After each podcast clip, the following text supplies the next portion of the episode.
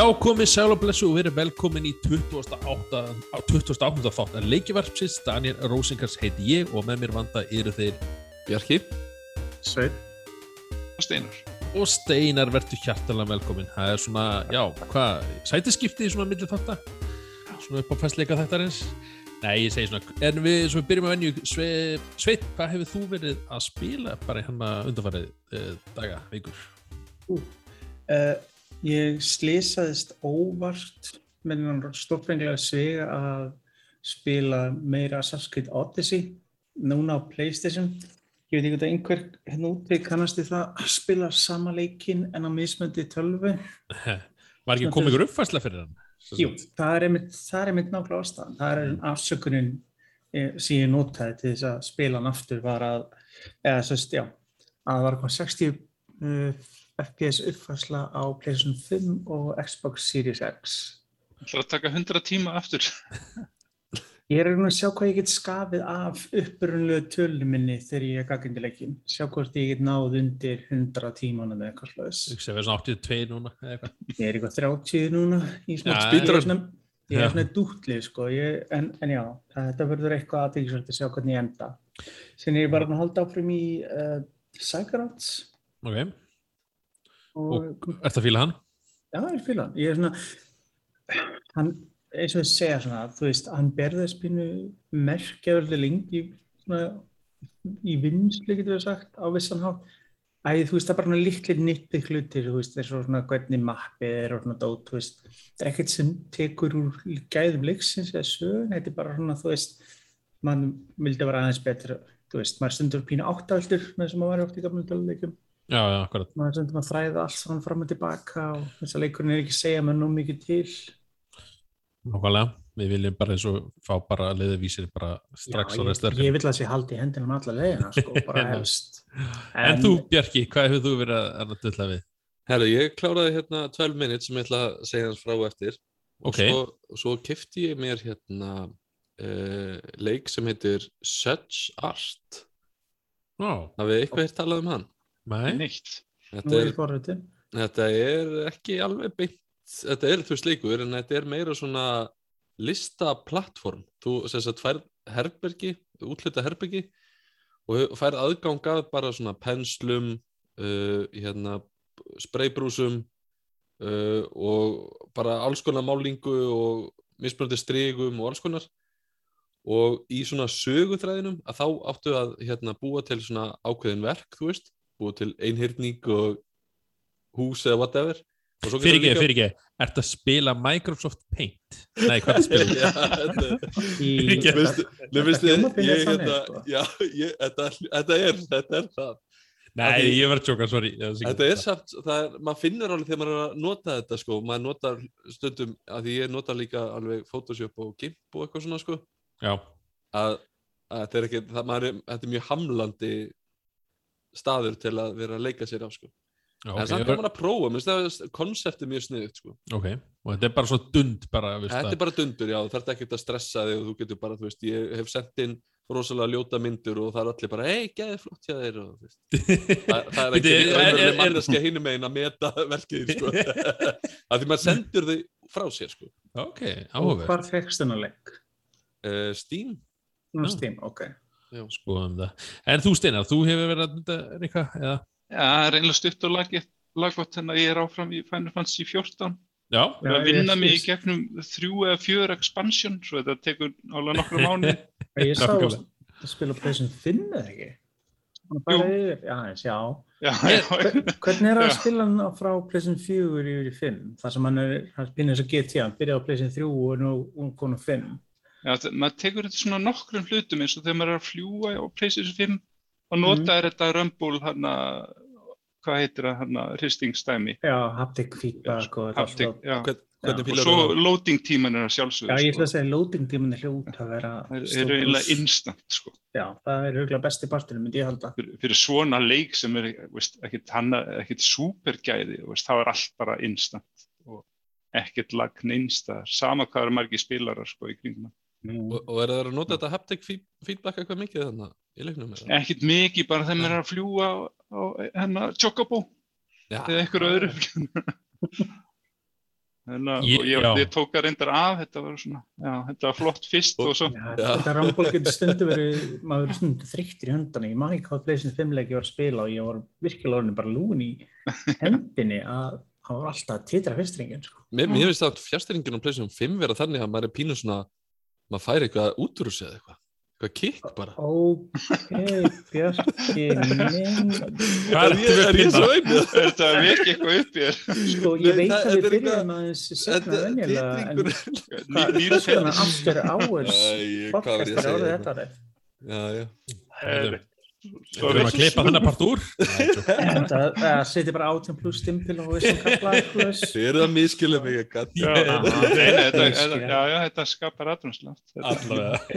Heyrðu, ég, hérna, ég hérna sjálfur persónulega, ég kláraði hérna Skyward Sword HD útgáðuna á Switch Uh, fullkláraði núna bara þannig að svona, já er Hvernig lítur Switch talvaðin fjastringin út? Er hún heil?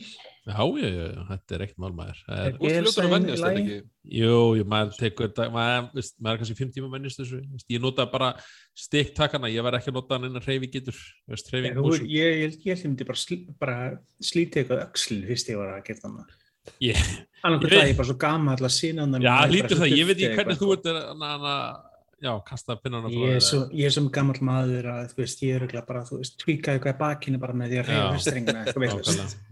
Þú ert ánægð með útkomuna eh, eftir að hafa klárað þann Já, þetta er, Já. Bara, veist, þetta er bara sami, þú veist, ef þú ert ánægð með fyrir partina leiknum eða á vígunni þá er þetta svona svona, veist, já, þetta þetta er ekki eitthvað mikil bæting þannig séð, nema að ég er bara ánægð að sé búið að svona bjarga þessu útgáðum, sé ekki först á ví búin að koma með eitthvað portana það geta haldið Já, áfram að- að lí- lítur það sér betur út bara einhverja, þú veist, í háskerpu upplýsni staðin fyrir Svo það var ég- var. Já, svo var ég að streyma bara eitthvað gamni í gær og spilaði The Lion King á Sega. Það voru, fekk mikið svona nostalgíu svona svör spurningar bara, wow, wow, hvað er langt sem ég spilaði hennan Já, Ég ég, hend, hendi þér upp á sjónvarpið en þetta Já, var, ég þú ert- algjörlega- þú ert drullu góður í þessu leik. Já, svona, ég, na, ég var að spila eitthvað þriða sinni í svona gegn og þetta var hérna og já, ég, ég var hvað, 50 mínútur uh, með hann, að klára hann á 51 mínútum Það er ekki- ég ekki að Það er spila mjög, mjög flott. Þú sagðist að spilaði lenda á aldrei, einhverjum lista þarna Yes, það er alltaf eitthvað listi, félag mér var ekki að skoða þetta, sagði, já, með við tíma þinn þá var það 41. lista, veist, eða í spýtrunist, veist, veist, þá, veist, en Þú þú verður að bæta þessar tölur. Ég verður bæta þessu töl. Nei, nei, við gáum með því. En heyrðu, við höfum nóg að tala í þáttunum í þættinum í dag og já, það er bara svona sjóðheit frétt sem var bara að uh, kikka inn í kvöld. Og það er Apple sem sagt uh, gegn Epic. Þar sem málaferli var uh, að ljúka eða allavega þú veist var að koma svona úrskurður. Fyrsti úrskurðin af því og, og svo spurning hvort það verður eitthvað í framhaldið því. En það var þannig endaði þannig að já, má segja að Epic hafi náð sínu fram með því að við því þú kannski leiða okkur gerum þetta sveit bara svona, já. Uh, í dag, það búið að vera núna í síðustu mánu löng málaferðla milli Epic Games sem eru gefundunir á Fortnite og Apple í sambandi við hvernig er höndlað að vestla gegn leikinu. Það er svona brýir leikinu eins og Fortnite ganga þetta algjörlega út á þennan business að selja fólki skins og cosmetic hluti og alla þetta dót. Og eins og hefur verið þá fara alla greiðslega um Apple App Store og þá tekur Apple 30% og mörg fyrirtæki er ekkert sérstaklega hrifin í því, sérstaklega út komin í miljardar tölunar eins og uh, Epic hefur verið að gera með Fortnite. Þá er Apple að fá svolítið mikið fyrir svolítið lítið að þeirra mati. Svo þeir fóru í málu á og vildi nefnilega fá að nota sinni einn greiðslumiðlun í gegnum þetta og Apple þetta neytaði því. Og í dag semst, var komin á dóm, semst, útskurður í hæstaréttin Bandarækjum sem semst, dæmdi Epic í þeirra vil. Og semst, eins og þetta er skrifað þá getur Apple ekki lengur krafist þess að kaupin sem er gerði appunum á iOS tækjum fari endilega gegnum bara gegnum App Store. já, Þetta er vantarlega á eftir að hafa svona domino-effekt eða ekki bara í að, aðra leiki Uh, já, svona starri, starri leiki þá? En aðtísert er svona að öllum öðrum sviðum þá tapuð Epic. Þú veist, þið voru að sækja um fleiri hluti, þið vildu, þið voru með antitrust lausu og vildu bara segja um þetta Apple væri með ákveð monopoly á þessu sem er hægt að vera rauk fyrir með á móti. En eins og er þá þess náður þess ekki. Apple var líka búin að neyta Epic að gefa út iOS útgáfuna af Fortnite í Suður Kóri sem þetta er gríðarlega stór markaður og einmitt ástæðan fyrir að þeir gerðu það var vegna þess að það eru lög í Suður Kóri sem skilda fyrirtæki að þau verða að leifa opnari greiðslumölka en eru í bóði nú þegar. Já, ok. Þannig að þau verða að, að sem sagt, Google og Apple get ekki sem sagt takmarkað að hvernig greiðslan er og þá vildur ekki fyrir vikið gefa út leiki. 30% líka fyrir að vera bara millilegur er svakalega hátt. Þetta hefði örugglega ekki gerst ef þau væri bara með 2% eða 5% Nákvæmlega. eða. Og eins og segja, Apple með tók Fortnite úr í fyrra Mhm. út af þessu og eins og segja, þetta er búið að vera svolítið svona ljótmál réttraldi í nokkra mánuði og það er búið ímsum skít vera að kasta í bára áttir en það er bara aðtíðist fylgjast með eins að það er ímislegt komið upp úr þessu og það er eiginlega bara meira í sambandi við bæði hvernig Apple stundar sínu skipti og Epic líka í sambandi við Epic Store eins og PC og Mac hvernig þeir hafa verið að laða til sín uh, leikjaframlendur og hvað þeir hafa verið að borga til að fá exclusive titla á plattformi sitt í keppni þeirra við annan stóran reysa, Valve og Steam. En eins og ég segi, það er búist við að bæði Apple uh, áfríi og það getur vel verið að Epic áfríi líka út af þeir kannski vilja fá betri dóm í hínu líka, svo við erum örgulega að sjá þetta dæmi rúla aðeins lengur í gegnum kerfið. Já, Mhm. En þetta er forðnilegt að finna sem að, já, þetta er högg fyrir Apple klálega vegna sem þeir ekki vanir að kappa eða lúfa fyrir einum en einum. já, þetta var náttúrulega eins og það segir nefndir en áðan að þetta byrjaði þannig að ég veit að uh, og segir, þeir vildi fá ekki að láta Apple já, fær hagnaðina 30% af hverjum seldu skinni eða V-Box, það er ekki bara leikurinn, hann er alltaf öll in-game item, það er að segja að Já. þú kaupir V-Box genum Apple Store Mm -hmm. App Store og þá fær þú veist, og þú gast bara að kerta en svo kom einhver ágreiningu það og þá sagt, kom Epic minni mig og direktaði hérna öllum iOS-nóðum inn á aðra sló, aðra síðu Já, er já, og þeir, þeir lækkuðu verði um 30% þar Já, og þeir það, vildu, já. já, veist, og þá köttaði Apple og lokaði Apple veist, þetta var svona þetta var sem svo Daví og Goliath algjörlega einhvern veginn Þetta búið að vera eins og segi pínu skýtkast og Já. alls konar aðna, dæmi. Þetta hefur verið svona rosalega lengi, ég meina, ég maður þegar Netflix var svona að detta inn hérna að fullu krafti á Íslandi að, að þá var einmitt, þú veist, margir sem að voru að benda mann á, já, myndu bara ekki að skrá þig á Netflix í gegnum, þú veist, iPadiðin vegna þess að þá varst að borga herra mána, Mhm. mánaðagjald en um, ef þú gerist Já. áskrifandi gegnum Þetta vegna þess að þeir Apple taka þetta nefnilega. líka Netflix, nákvæmlega. Og að tala þetta á að í gildi 9. desember. Ég held samt, ég þarf að leira þetta eitt það, Netflix, ég veit ekki hvort sem þá það eru tvö eða þrjú fyrirtæki sem er undan þá þessu skatti og það Netflix er eitt þeirra Ok, ég, ég sko Já. borgaði tvöfalda áskrift, bæði hjá mér og fyrir nákvæmlega saman áskrift sem ég kefti ekki um Apple og hún var dýrari, sko.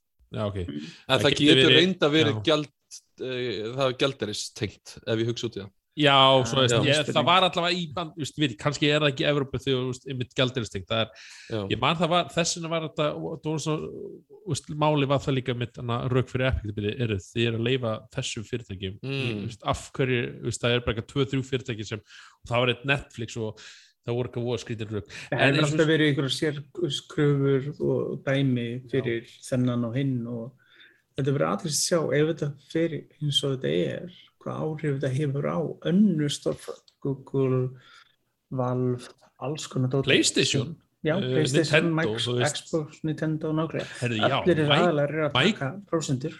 Microsoft hérna, einmitt, hérna, þeir hérna lækkuðu skattin hérna, um daginn á bara PC en ekki Já, þeir eru Xbox. aftur á móti búin að vera, já, en þeir voru að pröfa sem þetta áfram með þegar að lækka skattin til að laða af uh, fleiri developera.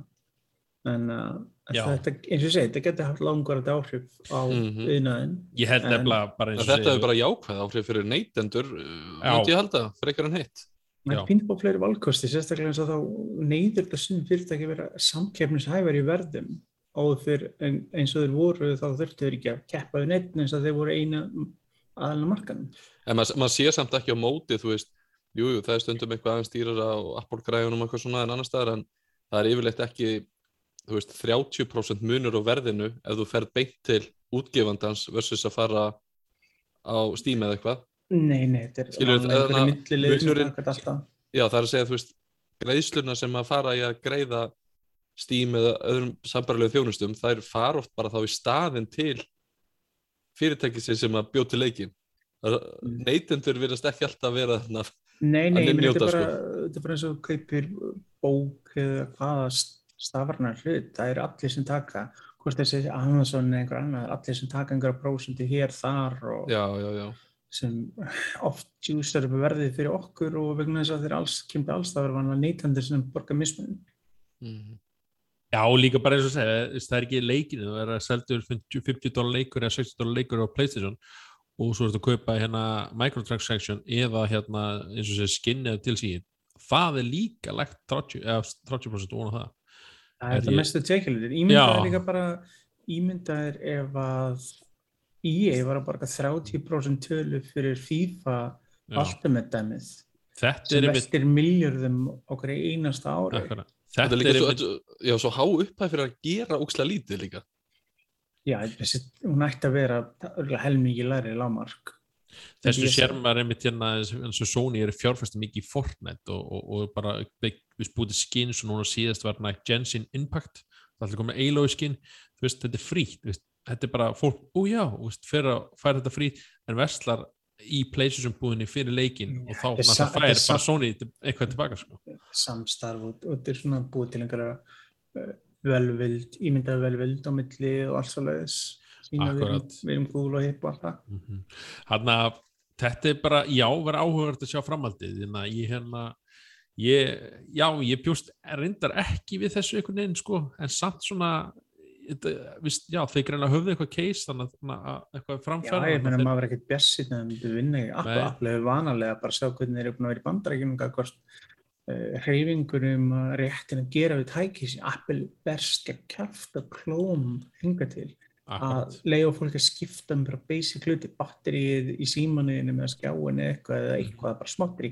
Nei, nei, þú voru að fara til okkar og það búið hryllingsögur í gegnum tíðina bæði með spjaldtölur, síma og farstölur uh, hvað kostar að gera við hvað, í staðan fyrir hvað það kostar ömurlega. Fólk hefur farið með einhvern, einhvern brotin hluti í skjánum sem kostar, hlutin sjálfur kostar kannski 5 dollara og þeir vilja 800-900 dólarar fyrir viðgjörnum þess að það skiptum þetta, þetta, þetta. Og síðan kemur viðgjörnum og sínir fram herri, ég laga þetta fyrir 100 dólarar skiljur Já, og það er sig þetta bara, bara góð- góð hérna viðskipt við veist En þeir eru bara, þeir eru svo sem mörg stórfyrirtæki, þeir eru ógeðslega skítlegir þetta. Og þeir eru búin að eða miklum tímum og peningum í bandaríkjum í lagakerfinu að berja skegg þessum laga dæmi að það sé uppfært lögin að það sé leift að mér og þér sé leift að laga okkar eigin tæki. Já, akkurat opnaði eða já, Já, að við séum ekki bundnir einum aðila, við getum valið á milli staða og þar alveg fengi samkeppnishæfi verð í staðin fyrir að fá bara þeirra verð. Akkurat Og þetta er svona annað form af þessu systemi. Jæja, heyrðu, úr í þessu og annað uh, þá var, jú, við rettum aðeins til síðast þetta, þá var uh, Bjarki að tala um 12 minutes og hann er, hvað ertu búið með núna? Nú er ég bara alveg búin að klára hann. Ég hef búin að spila hann í næstu, í, hvað, þrjá tíma, tvoða þrjá tíma Já. seinast og nú er ég búin að klára hann alveg að tók mér eitthvað í kringum sex tímana Ok, að klára þetta með, það er ekki 12 mínútur. Mm. það eru ansi, ansi margar 12 mínútur, get já, ég sagt þér. 12 sinnum hvað?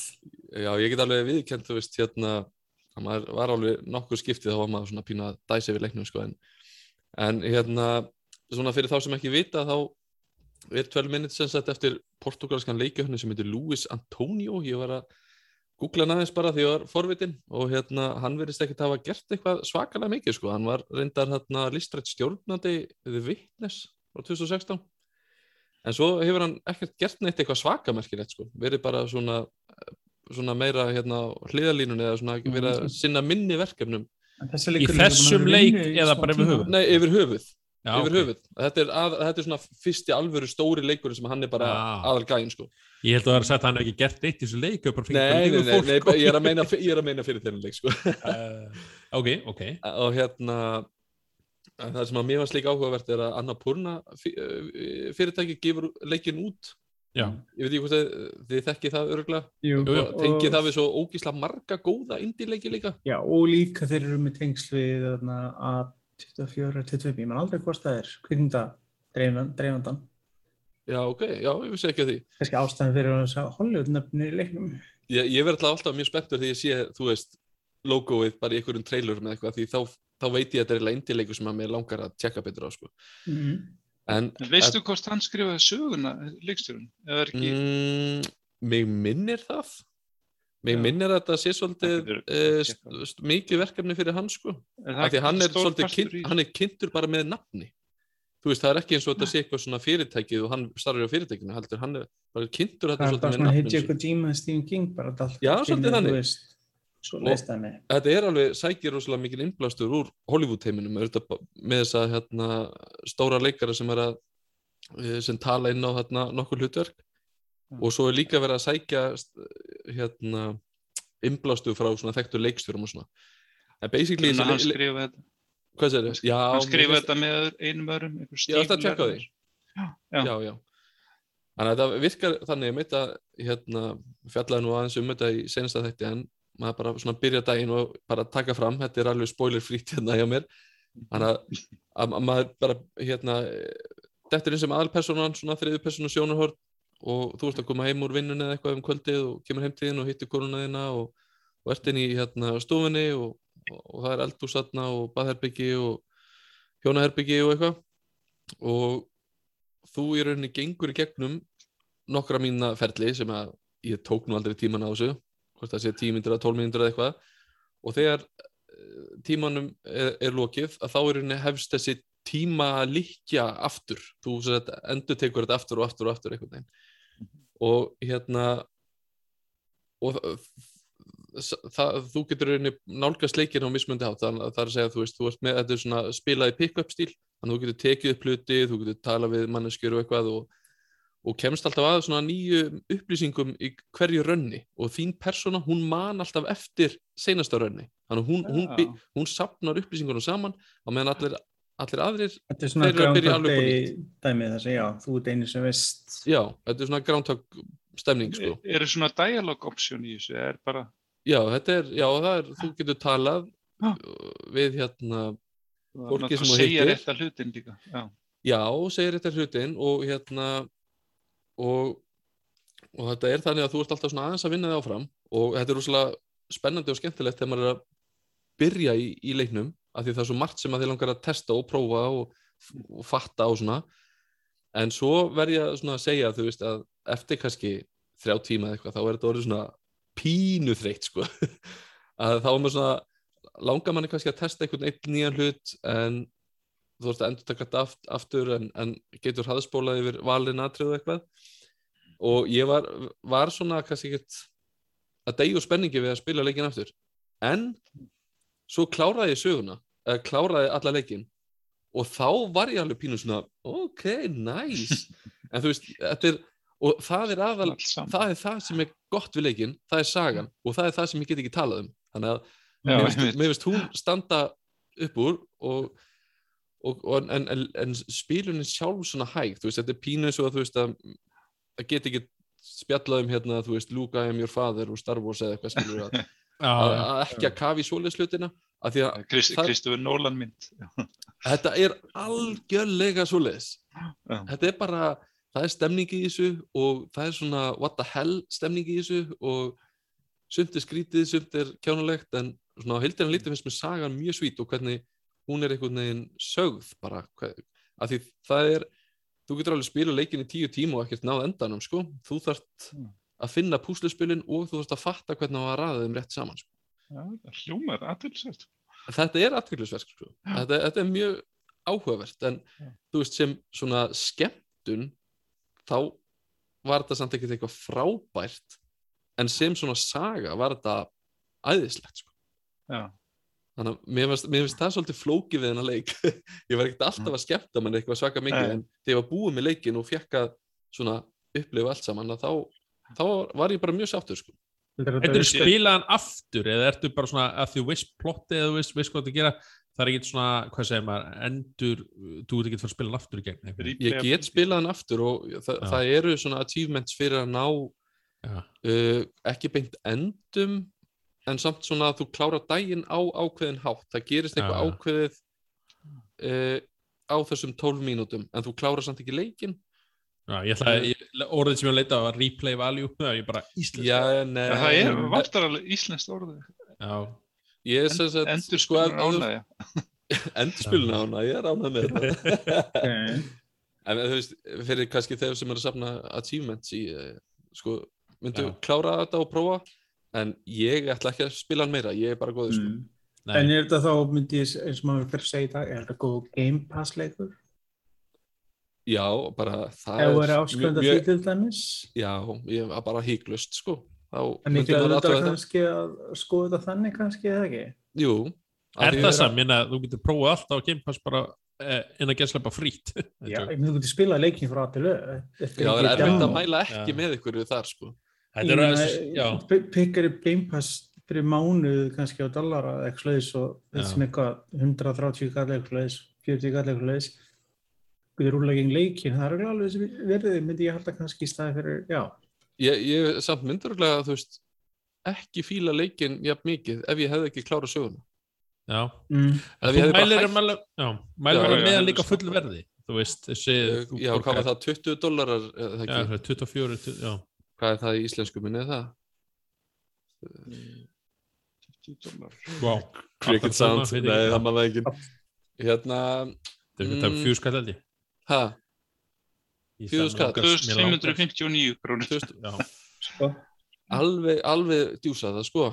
já, já Er hvað er þetta, 6 tímar? Þetta eru sex tímar, sko. Þetta er bara eins og Call of Duty saga Já, er- en þú ert að fara í gegnum sama dæmið aftur og aftur og þú, þú veist, þú ert ekkert að upplifa ykkur nýja sprengingar eða nýjan hasar, sko. Þetta er bara svona, já, já, ég bara, ég er bara að setja svona, veist, þetta er svo fyndið því að núna þeim er svona aftur gaggrinni leiki eða svona setja svona eitthvað vermið að það var já, herri, ég keiftur að fullverða, ég hafði ekki alveg að því þessi leikur ódýrri, þú getur fengið meiri ánir hann, en núna segir þetta Game Pass, það bara, já, og þín er Game Pass okkur ekki kíkja, já, nákvæmlega, ég myndi Það er bara málið, tekka á það, en þetta- þetta demos er ekki lengur það sem það voru einu sinni þegar við munum eftir. Nei, þú gast pröfa demo á flest öllum leikjum sem já. gefur einhverja hugmynd Þetta ekki virka demo fyrir þennan valla. Mm, þó spilaður kannski fyrstu runni eða eitthvað, það einstaklega, það myndi kannski gefa eitthvað nasa þegar eitt raun, eitt demo. já, því ég held Mhm. að þú getur ekki þú getur ekki klárað leikin í einu runni langum að segja, segi, þarft að sapna upplýsingum er það ekki rétt hjá mér jú, þú þarft Já. að fara nokkra svona,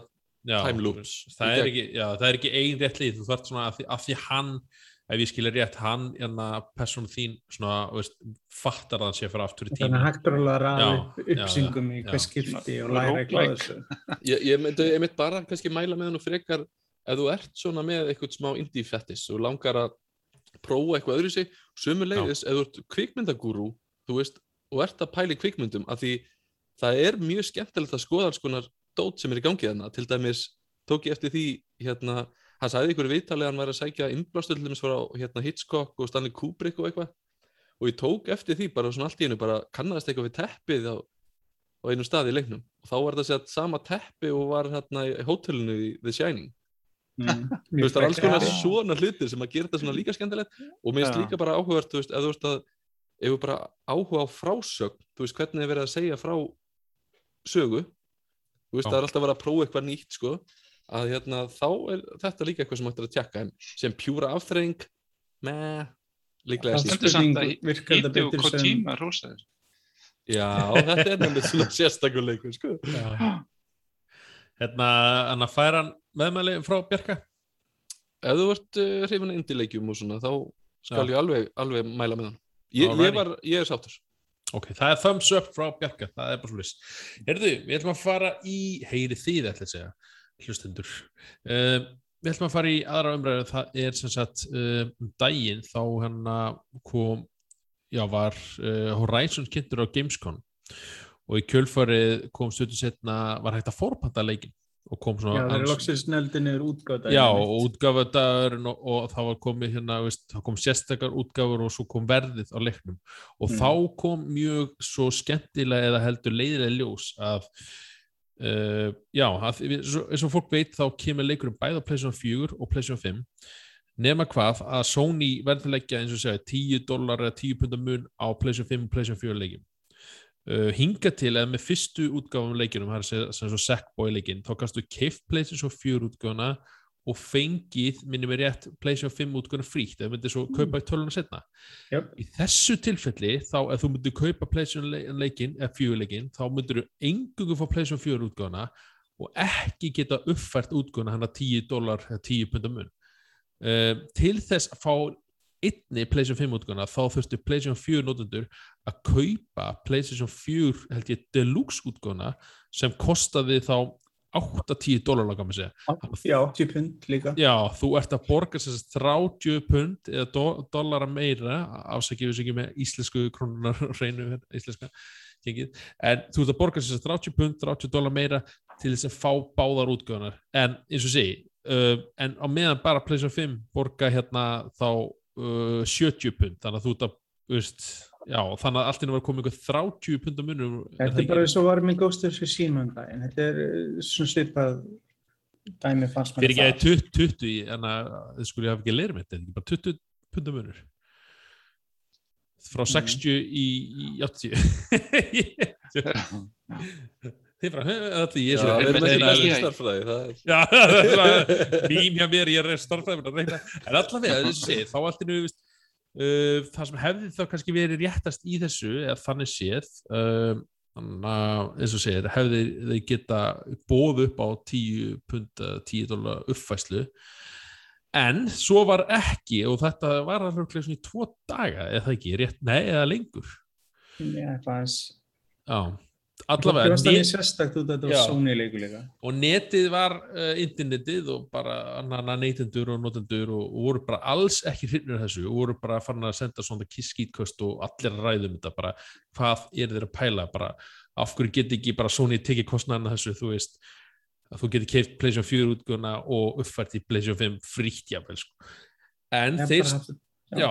svo tóku þeir algjöru ubegi bara svona 50 setna þá hann að sögðu þeir bara eru afsakið við hérna fórum aðeins á mis og hérna ætlum að veit ykkur þessa hérna PlayStation uh, 5 útgöfu frítt. Já, hvað finnst þér ykkur, ykkur um þessa uh, já, de- dellu, bara ef við segja satt Bjarki. Já, mér, mér finnst þetta hérna, ég, ég menna maður er ánægð með útkomuna úr þessu, það er ekki að hvert yfir henni, sko, en, en það er svona eins og sé verið að pína testa vatnið, sko, það er svona, hver, hversu langt komistu, virkar þetta núna eða þurfum við að prófa aftur eftir tvö árið eða? Já, það er svona, já, maður hræðist þetta svolítið, sko, það að reyna, að að vera að djúsa eins mikið og hægt er. og hérna líka bara eins og ég segi þannig að uh, það var með þessa útgáfur var að uh, einni var búið, hvað sveit þú nefndi það að voru að sérst, sérstakar útgáfur, special edition þeir koma ekki nei, þeir með komi leiknum. já, á disk það er ekki hann kemur bara í kóða Eh, já, þýmda það. Og minnum ég, brandarinn þetta er fólk sem vanlega köpur special edition einhverju leikjum eða svona einhverju klaktir útgáfum með stýttum eða hvað sem er. Það eru vanlega típuna sem vilja að displaya þetta á fleira og eru hrifnir af physical hlutum og láta það ekki á leikinni er bara kjánalegt. færði ekki samt stílbox ef ég er rétt þú fær bara ekki diskin Mér langar að segja að þú færði allar stilbók, eða allavega einhvers svona. Uh, reyndar fyrir mér þá trublar það mig ekki, eins og segi, ég finnst svo þægilegt að hafa þetta verið tölvunni og eins og segi, ég, enna, ég örugglega ekki að fá svo útgáfur, ég hann að þó með langur og svo líðar, en svo sá ég bara verð með henni, ég bara, já, já, já, Það vanlega Bara- það sem... það sem alveg mann- dýrar útgáfur og hérna, þú veist, það sem stoppa mig, en, en ég hefði svona, já, Það er ég sé leikíkjur þetta á þér, þetta er óslægt kjánalegt þegar það fylgir ekki einhvern leikur með eða, eða í einhver svona formi. mm En þeir slá ekki út hana EA, þurftu maður ekki að kaupa NBA 2K21.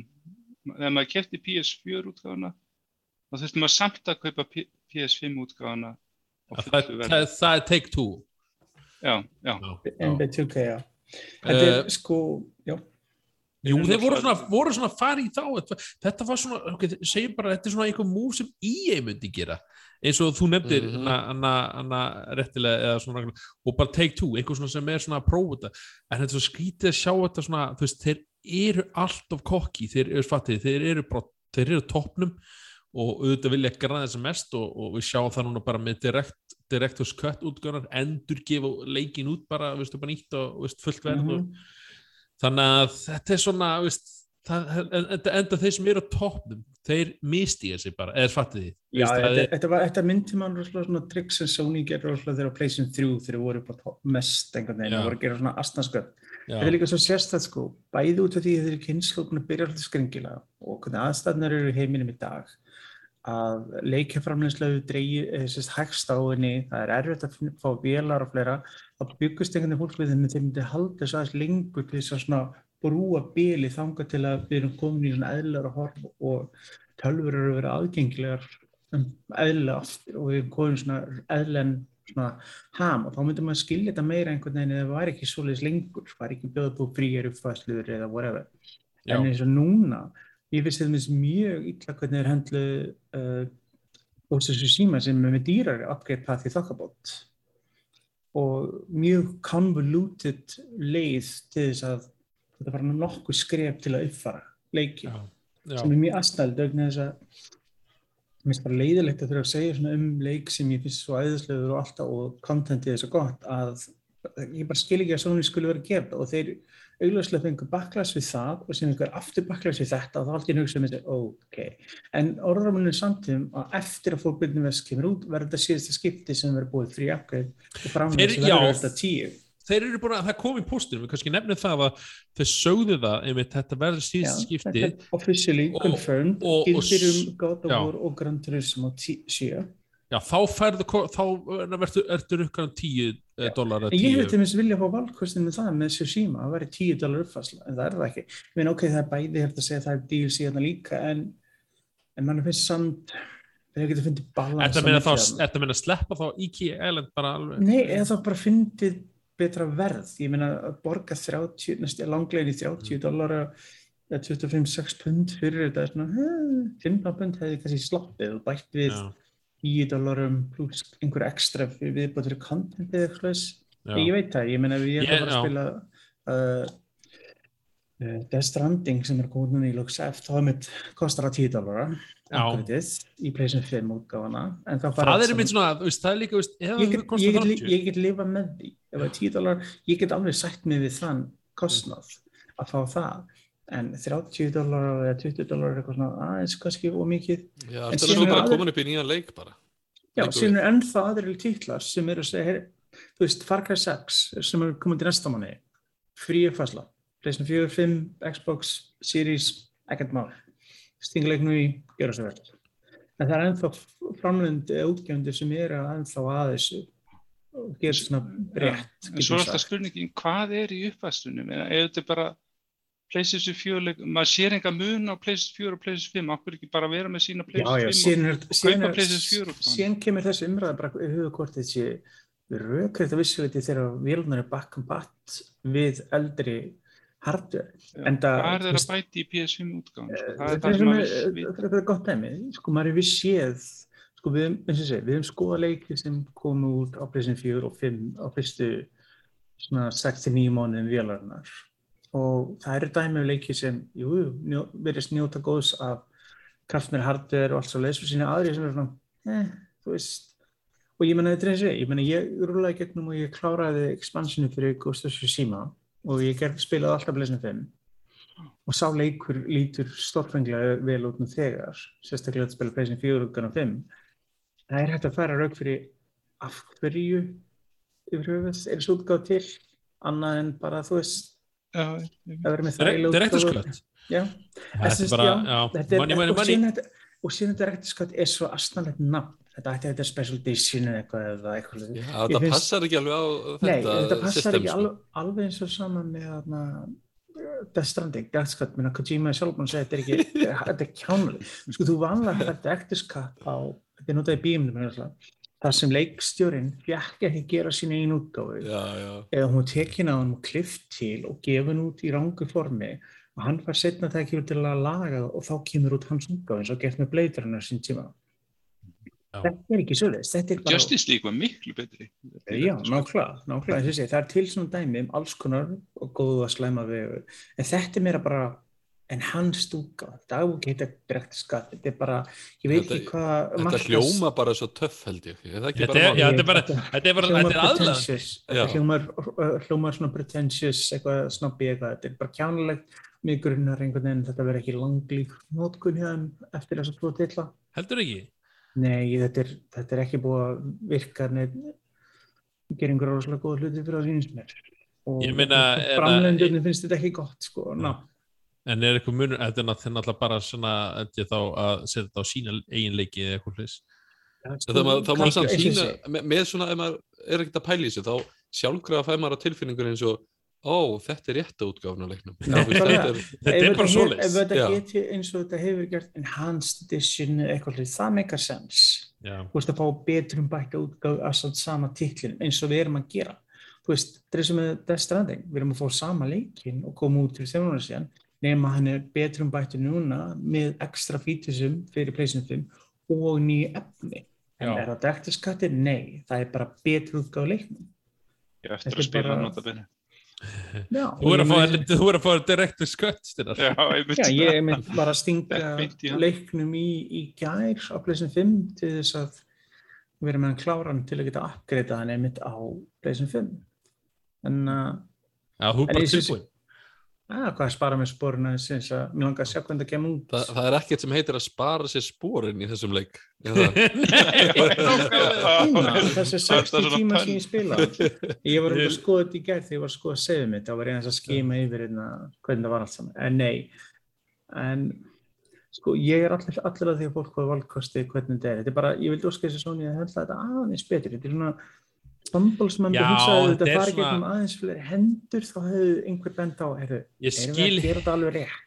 já, ég skil ekki þetta, sko, ekki einhverjum bjöllur ringi bara, er Það þetta er búið að vera breytingar í toppnum hjá Sony og það sýnir Já. þessi pínu að það verður ekki gengið fullkonlega fyrir sig þessar breytingar. Það er svona svipað eins og þegar að, bara fyrir stuttu þegar að uh, þarna var verið að kynna hækkun eða ekki á Xbox Pass, nei, hérna Game Pass dæminu. Jöp. Og það Það var Xbox Live Gold. Uh, Já, bökkuðu bara með það einmitt út af einhverjum bara, uh, þetta var bara klúður. Og það bara- var, já, Mér finnst Þetta þetta að vera samt svona, ég ímynda mér svona í, þú veist, á starfstöðunni að þá sé bara svona, ah, við ætla að reyndum, að já, þetta er Já, já, stund- 100%. En já, stundum er þetta þannig. Við höfum séð það gegn tíðina að það er svona alls konar tilhörni gerða. Þetta er ég gerði með þarna, online passan á sínum tíma sem hétt eldi internally Project 10 dollar eitthvað. Það þau voru að berja gegn nótum leikjum. Já, já. að það, maður sér svona alls konar tricks gerð. Ég með við við líka að eftir x langa tíma verður uh, sko, eins og þegar við tölum á eftir um PlayStation kynninguna að meirleitan leikjum sem við kynntir voru voru PlayStation 5 leikir ekki PlayStation 4 og 5 en við erum ennþá þetta með leikir sem eru arfleð þessari breyting eða svona hvað það segja, kynnslóð skiptingar Horizon, Gran Turismo, God of War þetta er leik sem er búin að vinslið þá nokkra tíma og eru visslega að byrja í lífsitt á einu stað og koma út á bæði en síðan eftir það um, aðra titli sem við myndum tala um eftir þeir sem kom út á næsta ári og þar næsta ári verða bara á uh, PlayStation 5 Já, en þá er líka gott að, eins og ég segja að vonandi verður aðeins auðvitað að kaupa blessu vélunar já, það er, hún er að koma bara á daginn og ég, ég tweetaði eitthvað Twitter og það var eitt sem þakkaði mig fyrir að því að hann gætt hana hann sá festluna veist, ég, veist, og, og, og gætt kipt hana þannig að þetta Ég- voru alveg góðar nokkra klukktímar þannig að ég er að halda það Já, og í nokkrum segi. verslunum líka. Þetta var líka, Elko- lí- kom líka í Costco.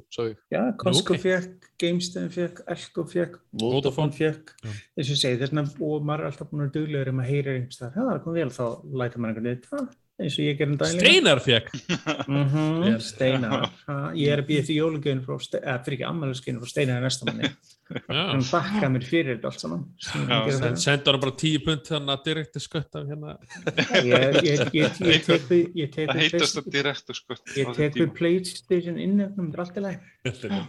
Heyrðu, já, en að- Þetta var Horizon uppeyjan en, en hann er að Mhm. koma núna 18. februar og ég er Uh, það er Já, og það, sko. við fórum, eða, bara held ég er í fyrra dag, nú rétt fyrir svefnin eitthvað, þá hérna tók ég alltaf eftir því bara á Twitter. Alltaf er hérna Xbox að tweeta hérna daðafri. Alltaf mm. var Mhm. það bara, alltaf er komið eitthvað myndband, ég sá bara þetta gif fyrst. Og, Ég, ég var ekki að heyra þetta fyrir þú bentir að með þetta. Nei, ég sá þetta fyrst og ég bara, hvað, daði hjá þeim? Hvað, tengist eitthvað Psychonauts 2? Heyrðu, þá var hann bara feikin í einhverja samstarf með Game Pass að auglýsa Psychonauts 2 og já, kíktu þið eitthvað á þetta, strákar? Já, ég, Já, ég, þetta. ég tjekkaði á þessu, eftir að þú bentir okkur á þetta þarna í spjallinu. Þetta eru einhverja 22 mínútur svona, svona Mm. stuttir daða tónleikar. Þetta er Já, svona, hann náði með þess að spila sko tvö sínum lögum í þokkabót. Hann spilaði Já. bæði lög sem hann var búin að semja fyrir Eurovision. tengd, tengd leiknum og síðan spilaði hann Eurovision-lögin sem bæði sem já, ok. þetta er rosalega góð kynning fyrir hann eða hugsa út í að Það voru klálega veist, eh, svona, já, maður veit ekki hvort að maður sé bara svona grúaður fyrir þeim lögum, en það voru alveg bestu lögin, sko. Mér. mér, fannst þarna eitt Já. lagi, ég, er að minna hvað hér Pl- Please þá. steal my brain eða eitthvað, það var mjög það, skemmtilegt. það var eitt eitthvað, eitthvað heilalagi sem hann spilaði sem ég fannst ótrúlega skemmtilegt ég þarf að finna hvað hér Það hlýtur að það sem hann verkið segir. Please Og var- steal my brain. Það var Það líka svona lagið partilag þarna þegar að þau voru inn í svona eins og miðstöðinni í Psychonauts 2 eða eitthvað, einu svona Mother... mm. Mother, já, Mother Control, æ, ég man The ekki. Mother Lobe Mother já. Mother. Lobe. mér fannst það Það var mjög gott líka, ég sammála því. Mér fannst það skemmtilegasta svona Psychonauts lagið mitt En það- hann samt alveg, þetta þetta var alveg Að- að slatt á klárlega- lögum. Það var líka nokkuð ljóst að hann actually veit, eh, þekkir eitthvað til leiksins og vegna þess að þú hlust á textana þá gefur til kynna að hann viðst veit eitthvað hvað hann er að tala um. Já, alltaf búin að kynna sér það. Já, oft er þú sérð að þarna, tónlist sem tengd einhverju, fer ekkert endan alltaf vel saman, þú veist. Það var líka skemmtilega en að vídjóni kringum þetta, því það var svona, já, já, nú ætlum við að færa okkur á næsta stað í heilanum mínum. Þetta er Já, hérna, veist, það var að finna sorgmæta hver, daðafræðin. hver sá sem þarna, dætt þetta í hug á heiði skilin. Já, þess og- að þetta myndbandin byrjar svona, eða veist, þarna í byrjunni, þá byrjar þetta bara í stofunni hjá húnum, eða inn í Mhm. herbyggi, tónlistarbyggin sem semur tónlistir sína og allt innu, já, býður hún eitthvað fólki veist, að koma til svona ekta hans grafík eitthvað, now I'm playing music from uh, Daði Freyr and hana, Xbox Game Pass eitthvað, þetta, Psychonauts eitthvað og svo býður hún fólki eitthvað, now, now you may enter my brain eða eitthvað og við fyrir við, við svona, þetta er svona ekta daða grafík, þetta er svona Já, þetta, eins og bara, eins og, eins og, hún, hún, eins og stílinn hans Mhm. Passa Svona mjög vel allt heima við til þetta. búið pitt og, og, bara, og það var bara flott þetta var svona, já, það var svona skemmtilegt og, og, og, og bara horfa á leikinn í bakgrunnu svona um að milli, mér fannst þetta mjög sérstakt og líka bara sjá tístinn eftir kjölfæri bæju, en ekki bæjuver uh, hvað heita er uh, Anna eh, Double Fine, Double Fine, Double Fine, yes. já, Double Fine og, veist, og, og Tim Schafer er svona tíst þessu og bara, ok, veist, hann er bara greinlega, veist, hann er að fara að túra held ég í bandaríkunum og, og bæði í Evrópu Þetta frábær kynning já, mér finnst bara algjör stild að allt inni bara, mér fannst það svo sérstækt bara eitthvað, Xbox bara eitthvað, herri já en að daðið freyr, take it away og bara eins og hann hefur feng- fengið bara svona algjörlega svona creative control á þetta, veist Mm. og hann að þetta var mjög gaman eða svona allavega þegar maður, maður, maður finnst þess að maður þekki daða bara því að maður bara senda á tvisar í Eurovision Já, Eða veist- mista Eurovision sigri. Já, svo hann þarf þetta stæðan. Já, ég, en en að, ekki síðan, en að það er hann að, já, þetta er, ég hvetjum fólk að kíkja á þetta, þetta er bara, daði, ég held ég kúkla frá daði fyrir Xbox, þá kom þetta Já, upp líka. þetta er bara. Xbox Rosinni, bara fyrsta vídeo sem sér það eða næsti er bara Ég, það. ég veit ekki ef einhver svona stömblar á þetta vídeo, hvort það er einhver svona, þannig að fatta þessi töluleikur þannig sér, Mm. eða ég bara, ef þetta verður mamma mína, þú veist, alltaf bara kúkla heitt. 23.000 manns búin að horfa á þetta núna og Ok. með næst ja, 1800 likes og bara heil Geggjað. 56 dislikes sem er Hann er-. Hann er, hann er með góðan andöndahópum um allan heim, þannig að það er, er, er bara- Hann, hann er líka svo lovable. á, Hann er svo einlægur og góður einhvern veginn. Það er svo gaman að hlusta á hann. Svo þetta er svona- hann er svona frægur, ég segi alltaf sko þjóðþektir Ísl Íslendingar, svo kemur fræðin sko, þú veist, það er, Mm. bara þektur Íslandi eitthvað, en það er svo fyndi að hitta hann svo ég er að vinna flugvillin og maður bara, ó, mér finnst þess að ég bara þekka en þú veist, hann veit ekkert hver ég er og þú veist, og alltaf, alltaf skrítið, þannig að, já. Daddy, I love you. Þú voru ekki helsað upp á hann?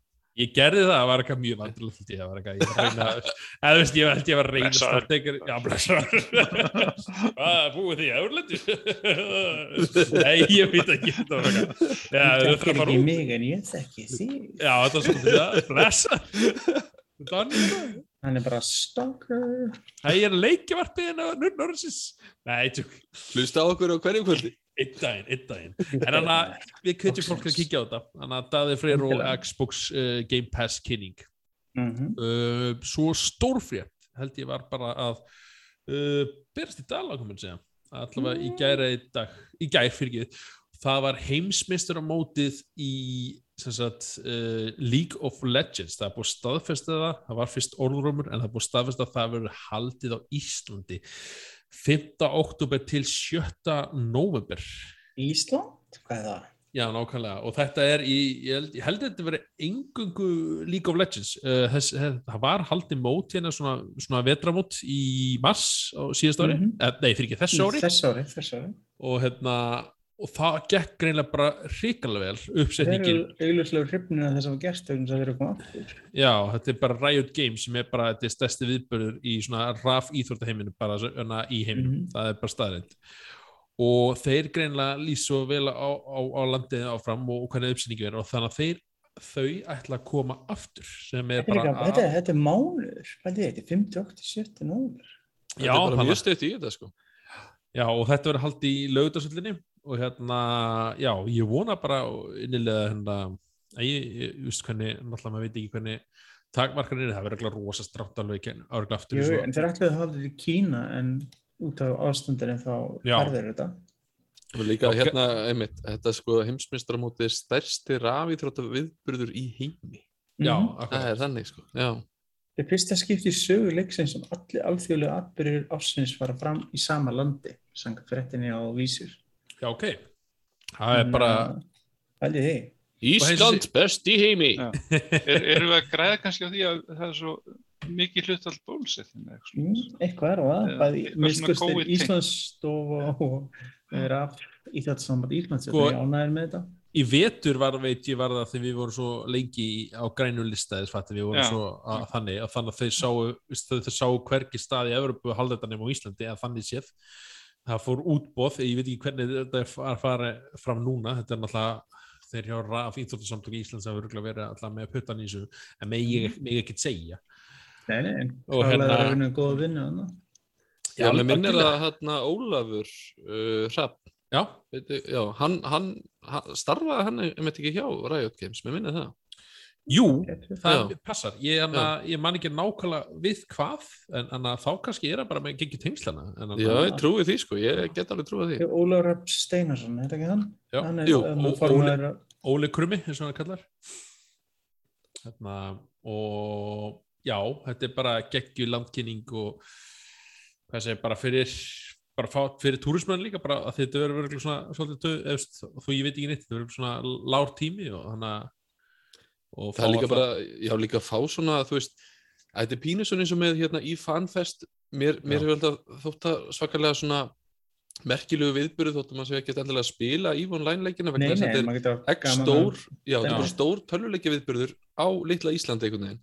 já, Þú veist, fólk að ferðast hérna hálfa hnöttin og eitthvað, en að sjá þetta koma til Íslands, úf, þetta er Já. bara, þetta er er- sko. það er aðeins það er já, það er aðeins öðru sem við þetta reyndar eins og síðast sko, þannig að þegar viðbyrjum var í gangi veist að ég hef að því ég, ok, ég er ekkert mikill lólmaður eða valárandmaður, þannig að ég var ekkert mikið að fylgjast með því.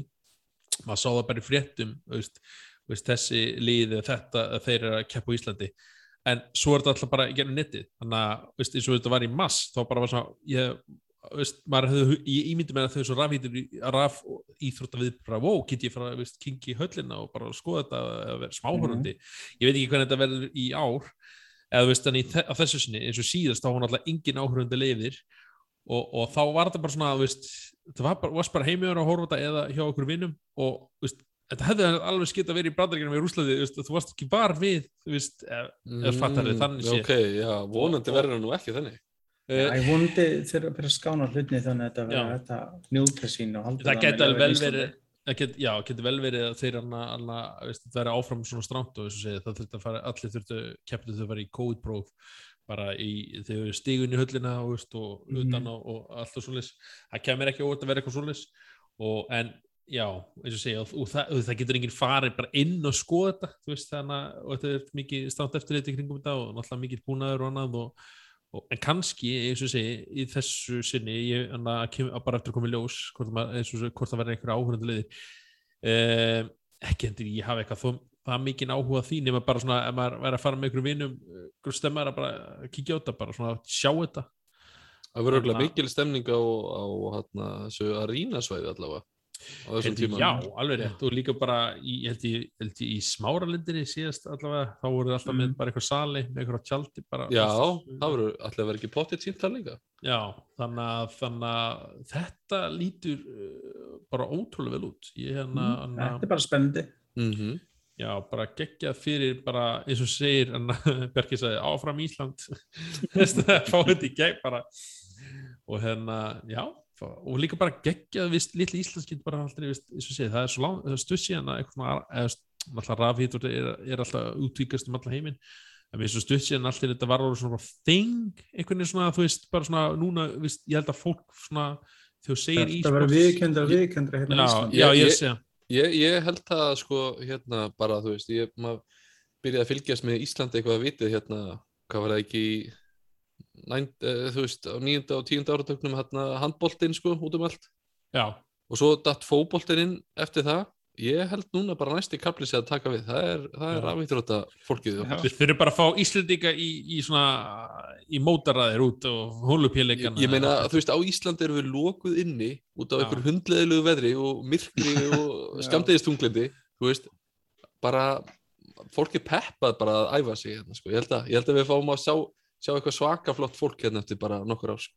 Já, hundra já, meina það, bara vel æfð, bara alveg klálega sko.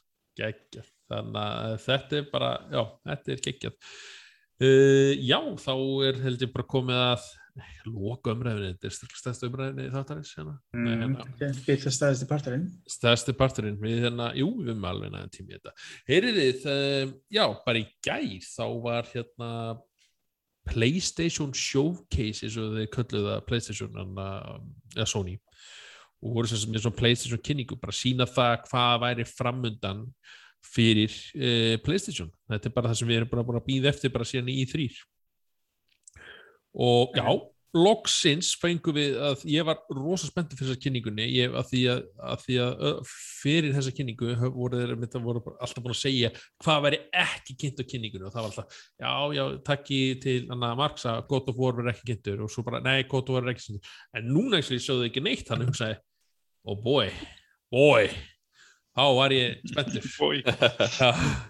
já, en að, segi, já. Uh, við ætlum bara að rýna hana örugglega bara að taka hana svona, örugglega ná svona alla fyrir. Uh, en svona bara svona já, já, við fyrir kannski bara í, eftir yfir, yfir liti við ætlum bara svona sín, hérna, tala um það sem var kynnt. Þeir byrjuðu náttúrulega á einhverju ég ætla að segja skákauðlýsingu eða eitthvað. Ég ætla að vera að fara að kynna horfðu þið á kynninguna? Já, Já. já, já. Ég, mista, ég er ekki búin að alveg Já, já, já, já, en þú er búin að sjá kannski einhverju trailer Jú, já, já. Alan Wake sérstaklega geggjað ég hérna, hérna eins og segi, ég hef þetta byrjuð við eitthvað svo skák og ég held þetta verið eitthvað ská, chess battle royale í vinsli bara, uh. nei, nei, þá Ég voru bara bara. þetta var bara PlayStation auðlýsing bara for the players eitthvað svona, þú veist Já, það var alveg einmitt og, og sér maður á öllum YouTube kommentum út um allt þá að því að það endar alltaf play has low, no limits. Og þá fyrir fólk einmitt að kommenta out of stock, out of stock. Þannig að jú, það var out of limit Alveg en þau byrjuðu á neglu. Þau byrjuðu á hérna Knights of the Old Republic eh, remake. Já, ég held að inneflinu myndi leka úr mér þegar ég byrja, fattaði hvað það er að sína. já, ég var með gæsur bara að heyra starfa ég, ég var ekki viss hvað þetta var Það var að heyra orður, mann er bleið þó nokkuð tíma að það væri endurgerð á leiknum í vinslu. já, ég held bara að það ég við veitum ekki hversu langt eru komnir Nei, nei, Við erum örgulega örugglega mjög einhver- þetta var ekki actual, actual gameplay footage ég myndi var halda að það sé svona tvö ár frá þessu ég ég ekki sko. allavega lámar til 2-3 ári í þetta Mm. en, en þessum, þessum bjóst ég ekki við sem verið að kynna þetta þarna þannig ég var að kannski byrja, er þetta nokkuð Fallen Order 2? Nei, þeir eru hvað annað svo, ég þekkti það náttúrulega ekki rættinar, ég hef ekki spilað hana, ég reyndi að spila Knights of the Old Republic eh, eitt fyrir nokkrum árum, ég fannst það bara svona, svona ég veit ekki þannig að er þetta að vera 20 eitthvað leikur sko. Já, ég er að segja, hann, það er ástæðan merki, sko. Já, en núna er mitt svona, ó, hann er að koma aftur þannig að ég ætla, ég ætla að býða og ég, ég er spenntur með hvað sagan í þeim leikur frábær sko. ég ég er bara vonandi gangi við leik svo einfallega að það kannski verið hægt að gefa og endur gera tvö og actually lagan loksins Klára? Það- Já, það hefur þetta búið að uh, aðdándur leiksins er búin að í mörgum árum í að laga Þegar þetta fengu bara, Obsidian fengu ekki bara nýju mánuði til að gera leiki. já, það er svo leiðis Það er fyrir fengu engan tíma, sko. Þess Já. að það er afreikað að vera komið leikur út fyrir höfuð. Nákvæmlega, svo var kynntur hérna leikurinn Project Eve og hann En ég var er ekki viss hvað þetta var að tímlu. Nei, ég, ég, ég myndi í smá Ég stund, var bara- þá var ég bara, bara- býttu, er eitthvað að koma að Final Fantasy hérna? Ég, ég var bara... Ég held það sko. Ég var bara... Þetta er Bayonetta ekki? já, ég hugsa, er þetta Platinum Games leikur eða... ég held í smástöðum að þeim er ekki búin að heyra Bayonetta 3 lengi frá Nintendo ég held að þeir eru bara að missa þetta og verður bara, ok, þeir eru að kynna Bayonetta 3 bara á- Það hefur verið ógeðslega að fyndið með En þú veist, já, En það er um leiðum að sjá uh, sko óvinnun og blóð þá gætt maður allavega útilokað Final Fantasy fannst mér sko. Mm. Já. Er- en ég sem segja, ég var bara með er þetta Bayonetta, hvað er þetta? Svo, svo var einn að félag mér sem nefndi að það, þú veist, hann sá EVE logoið og það er mjög líkt EVE Online logoinu og ég fór að hugsa, býttu Suðu Kóru, var ekki CCP kiftir á Suðu Kóru eða svona fyrirtæki og ég bara, kymvert. já, hvað það, Kynvest, ákveð, já, ákveð, þannig rugglaði saman og ég bara hugsa, ha, er þetta EVE Online? Það bara, nei, ég bara, ó nei, ó, veistu, og ég var ekki viss le- hana, veistu, en hann lúkaði satt bara ótrúlega vel, sko, ég mitt, svona, fekk svona Bayonetta vibe og mm -hmm. og þannig að þetta er bara kærkomið svona Svona hraður uh, hack and slash RPG eitthvað stemninga já, með svona kombo og, og eitthvað svona Já. Mm. Heru, svo fengum við sjá hérna Tina, Tina, Tiny Tina's Wonderlands Vá, þarna- hvað það á- var skemmtilegu trailer með þér já, Það var þetta er svo svo- klikkaður eitthvað Þetta er eitt skemmtilegast í. Borderlands karakterinn líka. já, ég var ekkit eitthvað þessi, ég, na, na, na, þessi, ég var þegar horfðan er fyrst, ég held að var í þrý þá var kynntum þetta og þá var ég svona að ég veit ekki alveg, en núna er ég bara ok, þetta er ótrúlega hrætt, þetta er bara Borderlands svona formúleikurinn. Spilar, spilar aldrei DLC sem uh, hún var í tvö. Ég hef ekki var- spilað tvö. Æ, ég hef ekki klárað, nei, ég, ég spyrjaði á honum en ég hef ekki komist náðan látt í honum. Uh -huh. Þannig að þið miður. Þannig að, Ég en hef ég, spilað ha, í tvö. Já, ég, er bara... að DLC fyrir uh, Borderlands 2 sem hún var hef DLC. gaman líka að segja frá því, hlustar röttina, þetta er saman hana, leikonans, Burch Ashley sem tala fyrir Aloy í Horizon og þetta er svo allt annað tónninni, þú veist það bara, hana, ekki feskleiki og já, hana, ég er spenntið fyrir þessu og, og bara einhverju nýju, þú veist, það er svona svona, eitthvað, svona, þú veist, og hann er að koma út held ég 2002, alveg rúglega. Jú, passar Tiny Tina's Assault on Dragon Keep hér tvö. Og það var til þess skemmtilegt og ef það er sam leik byggðun upp þessar hugmynd og þessum karakter þá finnst mér það mjög spennandi til svona geggjað, já, hún hefur vera mjög svona elskuð aðdöndum þannig að potarallíkjum sérinu Heru, svo fengum við sjá Forspoken sem er búin að vera svolítið í kynningu uh, frá, já, frá Square Enix og búin að vera á Mhm. nokkur kynningum en, en svona aldrei vita nákvæmlega veist, held ég svona út í hvert er farið í leiknum langar með að segja. mjög vel út. Já, ég, ég vil segja, nú, Mm. lúk á hann þetta var svona, ég var ekki alveg að taka frá þetta, þú var svona, þú var svona í raunveruleikunum svona allt er varstu komin í fantasíu heim og þetta var svona eitthvað blanda Já, það var einhverju galdrar og, og þetta hopp út millir bygginga hérna og og eitthvað sko já, Veistu hvað þetta myndi mig fyrst á? Þetta myndi mig á leikinn sem Merkur Games er að gera. Hvern karakterinn? Hún myndi mig einhvern veginn á hana. Ég veit ekki saman, Já. en hún einhvern veginn, mér var bara alltaf að hugsa til hennar einhvern veginn. Uh. Darkness, nei hvað, ah, ég man ekki hvað neitt uh, fyrir ekki Merkur Games. Uppi. Forspna, na, na, Forspoken heitir þessi leikur. Og, og já, svo fekk ég mitt svona hana, Harry Potter væp að vera svona veist, uh, muggur og svo alltaf fyrir ykkur galdra heim og eitthvað, nei, þetta ekki. Heri, svo fengum við hérna meira fyrir hérna bara Rainbow Six Siege bara svona, hei, hann er ennþá kom út nei, Já, Rainbow Six Extraction fyrir ekki við Já, þetta er svona spin-off leikur, getur við sagt. Martin.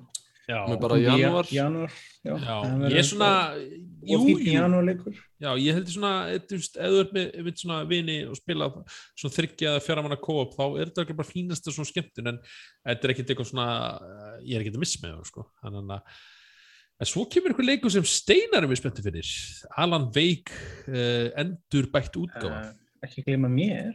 Já. En ok. Já, við tveir, já. Nei, ég veit ekki hvað, Steinar var sérstaklega hennar náðan og en að ég hef ekki spilað hennan. Það er Ég- eina sem ég er spenntið fyrir hann. Já, gott og voru sjálfsög. Ef, ef fólk sæi svipin á sveini, það veistu alltaf þegar ég segi, segi, segi þetta, það bara... Já, stundur líður mér sér þegar koma heimtíð með stapla af leikjum, sláðun okkur í hausum og segir spila þetta og tala um þetta búin. Þetta er sko ástæðan fyrir mig, uh, út af, já, ástæðan að ég er svo hrifin al, alveg vika, mér þetta, sko, sagan og gameplayið vera, veist, bara tip-top, sko. Er Ég, ég ég elskaði Stephen King og Twilight. Já, eh, já, og þetta þarna- Stephen King vibe, já. Og er ekki Twilight svo hann heldur. Hann er bara kom út í næsta Twin. Peaks. Twin Peaks, Twin Peaks. Já, þetta er svona Lynch Twin dæmið, Peaks. Yes, nákvæmlega. Þetta er svona Já. alveg, pakkin er bara, mwah. Hann er að koma PlayStation 4, PlayStation 5 og Xbox og PC. Já, og bara í næsta mánu, 5. oktober Já, bara hvað, þrjár vikur cirka í þetta Já. Herri, ég var kannski að nefna það að þá, var hérna Knights of the Old Republic var timed console exclusive. Já, hann kemur á að- PC og kemur síðan og gleðið 6-12 mánuði ég halda á á Xbox. Xbox. Þannig að það, já, það, Ég held nefnilega fyrst að Microsoft var gefa, nei, Sony var að gefa nátt en, en Ég finnst það nú of stór einmitt Lucas Arts í svona, eða ég veit ekki, jú það gæti neða þau bara gefið bunch of money, sko, það er bara, já. Herri, svo kemur upp á sleikurna svein, það er náttúrulega Grand Theft Auto 5 og Grand Theft Auto Já, Online, online, Play. já, vegna að ég klála langar að spila leikin á þriði leikjakynslaðinu, vegna að ég fannst ekki nóg að spila hann á PlayStation 3, PlayStation 4 og nú á PlayStation 5. Já. Ég svona- að svona... genna GTA 6 eða Vice City 2 eða eitthvað frekar, please. En, en aðal svona kannski við, við þetta var að, að, að hann átti að koma upp 11. nóvumber en nú er búið að færa hann í mars á næsta ári. Já, Þannig að- kemur ekkert kannski rosalega óvast að, að syngja eins og svo margt í dag. Já, jú, svo sem, en ég, með við það sem Rockstar er að gera, er það að gera eitthvað annað? Nei, ég segi svona, þú veist, að bara hérna vera að koma. hver, Já, bara, sko, þetta er hver eins og veit hvað er að gera fyrir utan, þú veist, online dóti. Það er bara, ég vildi óskaði stundum að GTA Online hefði ekki verið vinsalt. vegna þess að þá verður ennþá að gefa út single player, DLC Þessi- og leiki. Þessi GTA-trailerar líka, ég ætlum þessum törluleikakynningum út um allt, þetta er svona pínu eins og þú veist, þegar maður fyrir bíó og þá er ykkur rosa hávaxi fyrir fram að því og alltaf fyrir og maður svona er að færa það eins það er þessi trailer, það er alltaf værið til ég að bara færa þig og lifa mér að horfa á sam- mér- þetta er saman með skærim, ég hefði gaman skærim, en þarf ég þriðið að útgánuleiknum? Nei, Við ég vitum þarf, þetta öll, bara það ég þarf ekki bara, að segja. sko, ég þarf, Ég þarf það ekki eins sem er samt kaupa þig. Nei, ég þarf, eld, ég ég þarf eldur 6 eða endurgerna morgunvindi að bliði þess að drega. Takt einhvern annan leik og endurgerna, ekki Ég, alltaf hérna, sama. ég mun öruglega versla hérna mm. þess útgáð GTA af því að ég, Ég- ég, ég slefti PlayStation 4 útgáðni ég hef ekki búin að spila síðan á PlayStation 3 bara þannig að ég gæti að hugsa mig ef það verður svo döðu tími, já, bara prófum þetta aft- prófum að spila söguna aftur gegn þú veist, að þá á, á, á þessu en, en er rétt eins og ég segi ég manna vissi ekki að vera bara synkuna því að einmitt þegar trailerin kom þá skrapp ég að fá mér eitthvað að drekka eða eitthvað, þú veist, það er bara, svo frétti ég bara í dag bara, ha, er hann að koma mass Þú veist, þannig að að því ég sá ekki greina logoið Mm. Herri, svo fengum við loksins að sjá meira út af svona nokkuð hvernig hvað heit leikurinn hann að Ghostfire Tokyo gengur út á eða Mhm. Já, það fengur svona loksins eitthvað meira en bara þetta er svona logo já. þetta er geggja svona, þetta er frá framleitum Evil Within og ég fæ alveg svolítið svæp frá leiknum eitthvað svona brengluðu hugsunir og, og einhverja verur og Já, ég, ég er ég, skil mm. Mm. Mér finnst það vera svona skemmtilega öðruvísi allavega. Já, hann gott er- að fá eitthvað sem er ekki bara GTA 5 en einu sinni. Já. Hann er dæmi, já. Mhm. þeir eru í, eigu, í Bethesda ekki, hérna, sem á Tango Gameworks eða ekki Þeir eiga, já, Microsoft á... Eða, Bethesda Microsoft á þar hann lendi- já, Já.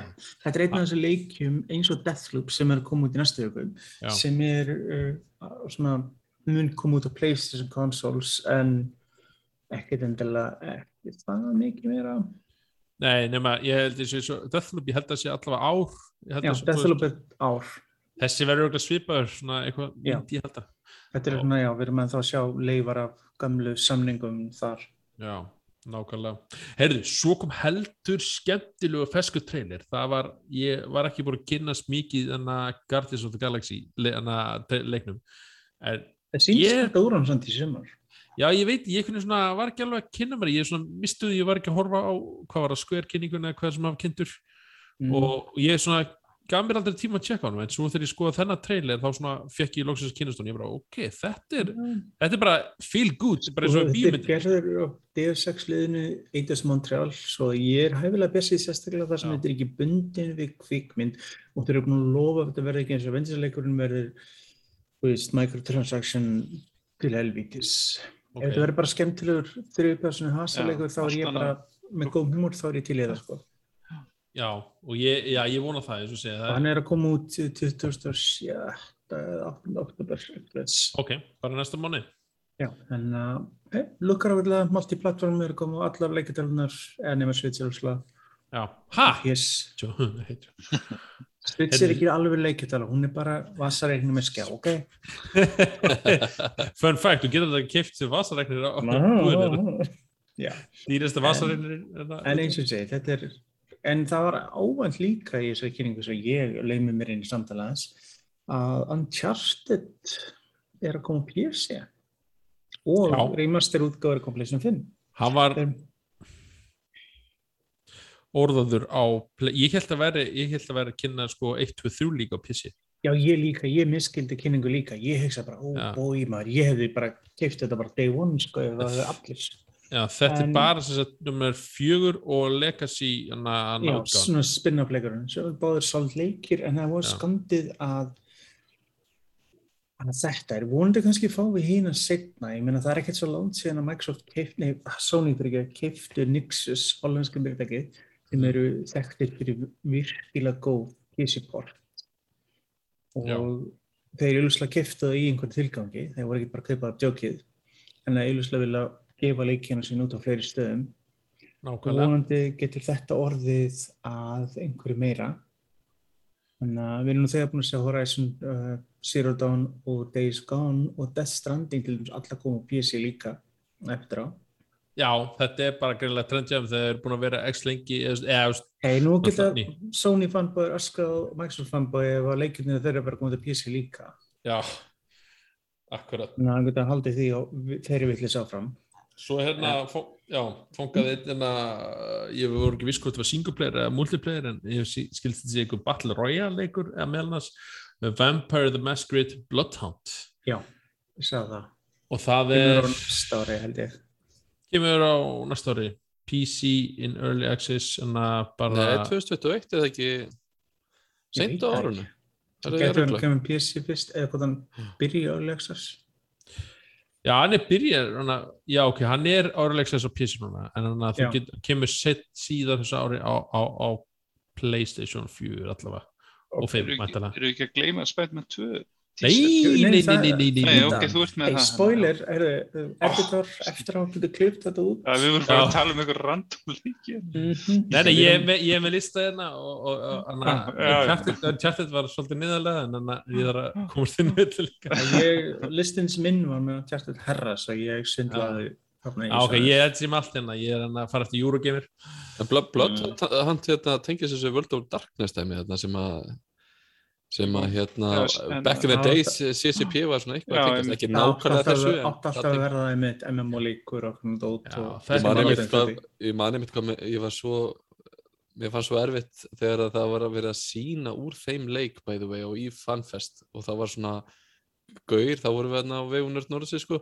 Mm. og þá var svona tekið fram bara mjög alvarlega bara stránglega bannað að taka myndir. og vídeo. Stránglega bannað. Bara allt, alveg, allt, í, allt í líku mjög alvarlega tótt sko. Mhm. og maður var svona, þú veist, maður var með myndafinn þessi svona, mm, svo var bara svona rosa, bara massaði dýraverði bara að lappa fram og tilbaka bara, bara að fylgjast með krúinu með að Svona já, en það átti að vera MMO-leikur sko, það átti að vera Já. svona, já, Ég man eftir því. Þannig að í miður hægt stímið var aldrei um. En það er síðan að koma annar vampire leikur líka næsta ári Vampire Bloodlines 2 sem er single player leikur Þannig já, að ok, ok sem Paradox er að gefa út mm Er þetta tala um hvað, hérna, nummer tvö? Já, Bloodlines 2. Ég, ég veit, já, það er spurning bara hvort það komi nokkuð tíma út. Hann Jú, er í- hann er búin að vera það lengi vinslu og Já. þá rókeringar í fyrirtækinu þá held ég að hann komið samt út. All, já, það er spurning hann að ég, það, einhver sagði hérna, einhverju hann, að hann, hann teldi að myndi ekki koma út út af væri svo, hann væri bara development Hell. sko. Já, En jú, vonandi, ég ég meina það, Mm, Ég er já, vona lengi eftir framhaldi og það er, fyrirleikurinn er kartleikur og það er svona, ég held að þetta muni upp fyrir það séðar. vonandi, ég, eins og sé, ég hann alltaf aldrei vonast til að leikir hann að koma ekki út, eða, þú veist, búið að vinna á þeim bara blóðsut og tár, segir svona. En hérna, svo kemur leikur sem ég kann ekki alveg bera út fram, Teacher.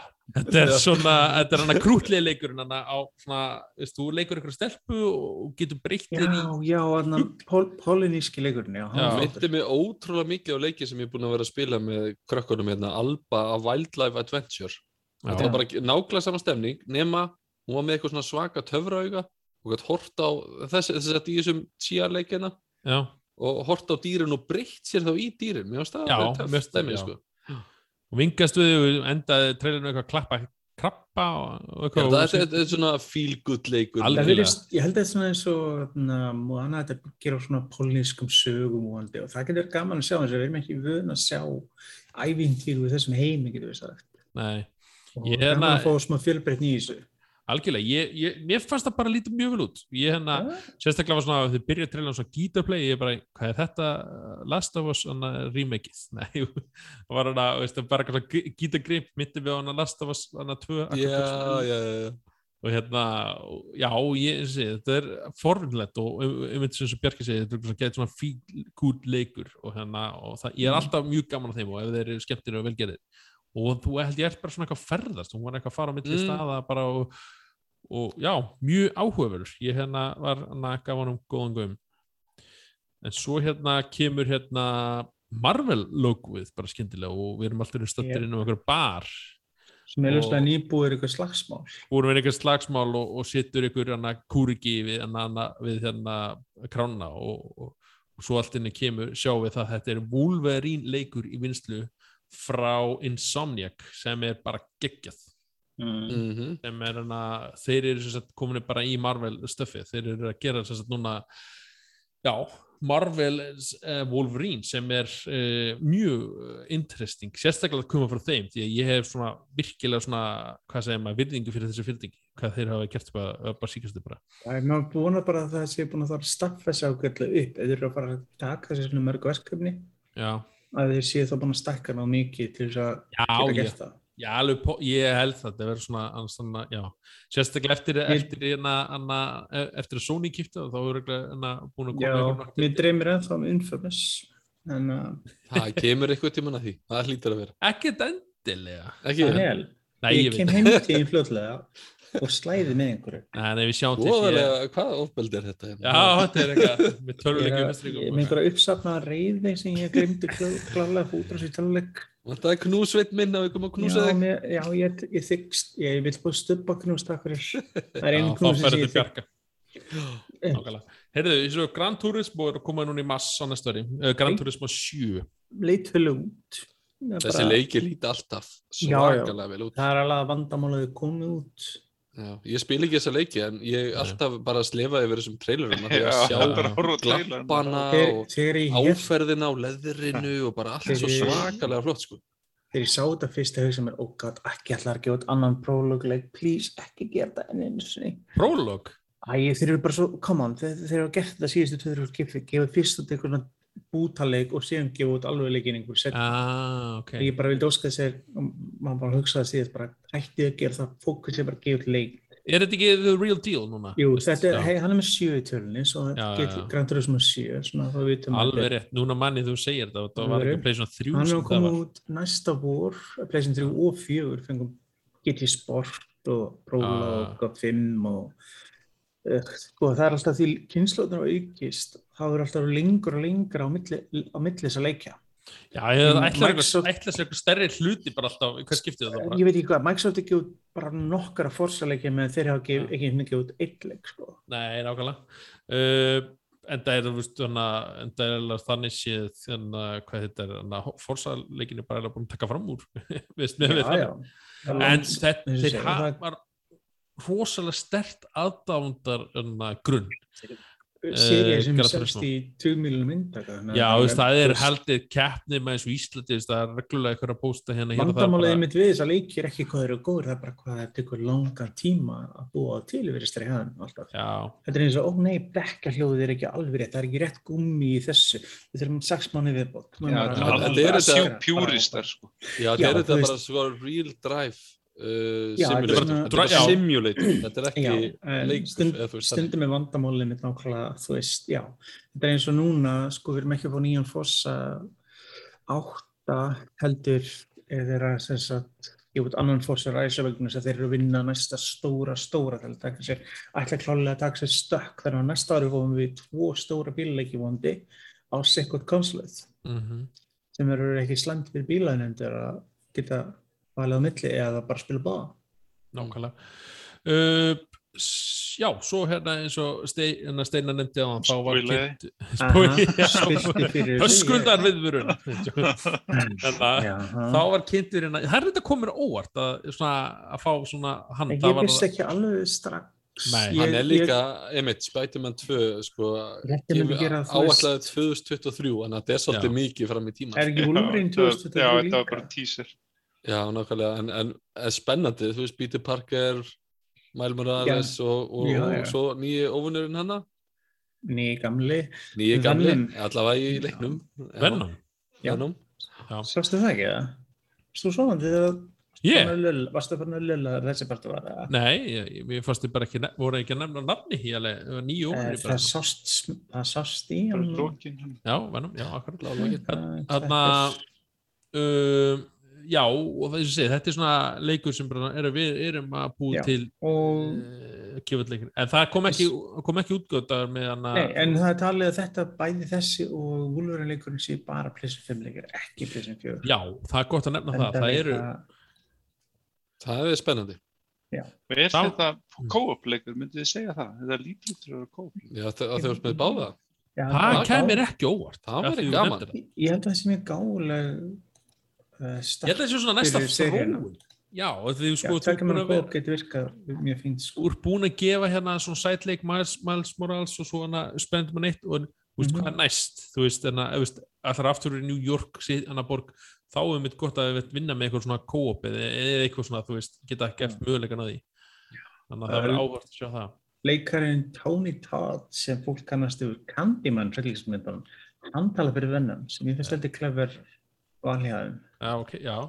Nýjasta kandimann, eða eins og Steinar sagði, já, þú eru tveir hana og þá, þú getur skipt kannski á milli karatera, Mm. af því Já. þeir eru með tvo mismöndi eiginleika hana báðir sem er, Við, við vitum ekkert, þeir eru ekkert sagt neitt meira, þetta er bara, nei, Nei, þetta er bara mjög örli bara kynning, sko, hei, hérna er eitthvað að hlakka til í framtíðinu, sko. Akkurat.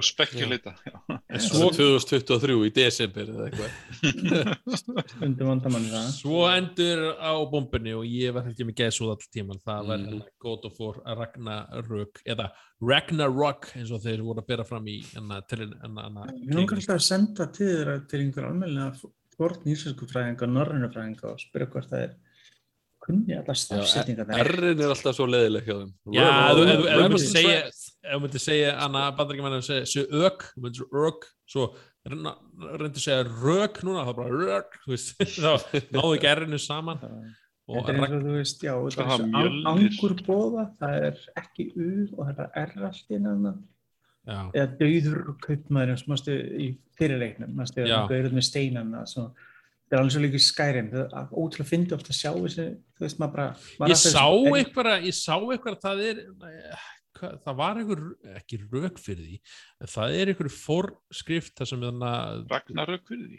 já, voru skrifað með, með þessum letri dau, dauður köpmaður, einhvern svona Já, þessi, ég meina, er þetta bara forn íslenska og við erum bara vittlisir vegna þess að okkur finnst þetta ekki passa þetta ég það held að sé eitthvað það- svoleiðis. þetta er það skandinavis en þetta er svona eitthvað skandinavis já, svona, já, Þetta er eitthvað að að- blanda, þannig að þetta er svona, þú veist, þetta er, þetta er náttúrulega, og gaman að, að, að segja þá því að ég hef örugglega sagt það áður en að, að það veist, þegar ég horf á trailerinu fyrsta God of War og þá hlustaði ég mitt á kórin syngja og þá bara, ok, þeir eru að reyna að tala íslensku. Ég er bara innilega von að Já. Eivur verði aftur með tónlist. Já, og ég, ég saði mitt að og það passa ekki inn í, þú veist, mér fannst þess að þú veist svona kanar að reyna til íslensku og, bara, og þetta er allt öðru sem heldur en er eins og þemalega fyrst. þetta er eins og að spila Saskit Valhalla og þau heyrir margt í fólk tala, þú heyrir Íslendingarna tala og það er bara, ó, sem er norrönnu fólki tala og sem En er bandrækjumenn tala og maður bara, ó, En í vá. hinu tilfellinu var það þannig að hana, þegar, þegar textin var komin hana, til Íslands og átt að syngja skólakantorum átt að syngja textan að þá kórstjórin hann, hann, hann íslensku þannig að Mhm. veist, þeir Og mjög vel sungu út. þetta. já og þetta kemur líka gegn við þetta veist, veist, svona, Já. í mittin norðnamann Herri, já, gott vor, uh, þeir ætla að greila með Þór, hérna Þór, Týr og Já, töff útgóð á Þór. Mm. Já, fólk eitthvað, fólk Huldu eitthvað, að missa sig, að missa sig að þetta væri einmitt fætt þór bara úr myndunum í staðin fyrir Þetta er bara En- töffara Þór. en eins og ég segi strafana á við byrjum frættin að vakstarættamenn eru svona einhverju chiseled gaurar en ekkert rosalega sterkir Mhm. því segi ekki berið með vakstarættamenn samt fyrir að segja þetta en mér skilst það einmitt að aftur á móti kraftakallar og þeir sem að maður þekki og þessi myndir af Jón Pólasveit, þeir voru allir meira svona svona kallar barrel chested, þeir voru með bumbu og en samt rosalega sterkir Já, þetta er ekki- passar, þetta passar alveg sko Já, þetta er ekki Marvel Thor. Það Nei, náttúrulega mikið bjór, svona þó, sko. Já, Já, en, þú nákvæmlega. sko Já. kraftakalla keppninar og Magnús Má Viðar, allir þessi bjórbubba gaurar, hana. Svo hérna allir líka og það og lesið bara hérna ég man ekki hvaða, Norra, Snorrættu hvað þetta heit, nei ekki Snorrættu en, en þú veist þannig að hérna, þess að þeir koma fyrir að þá hérna.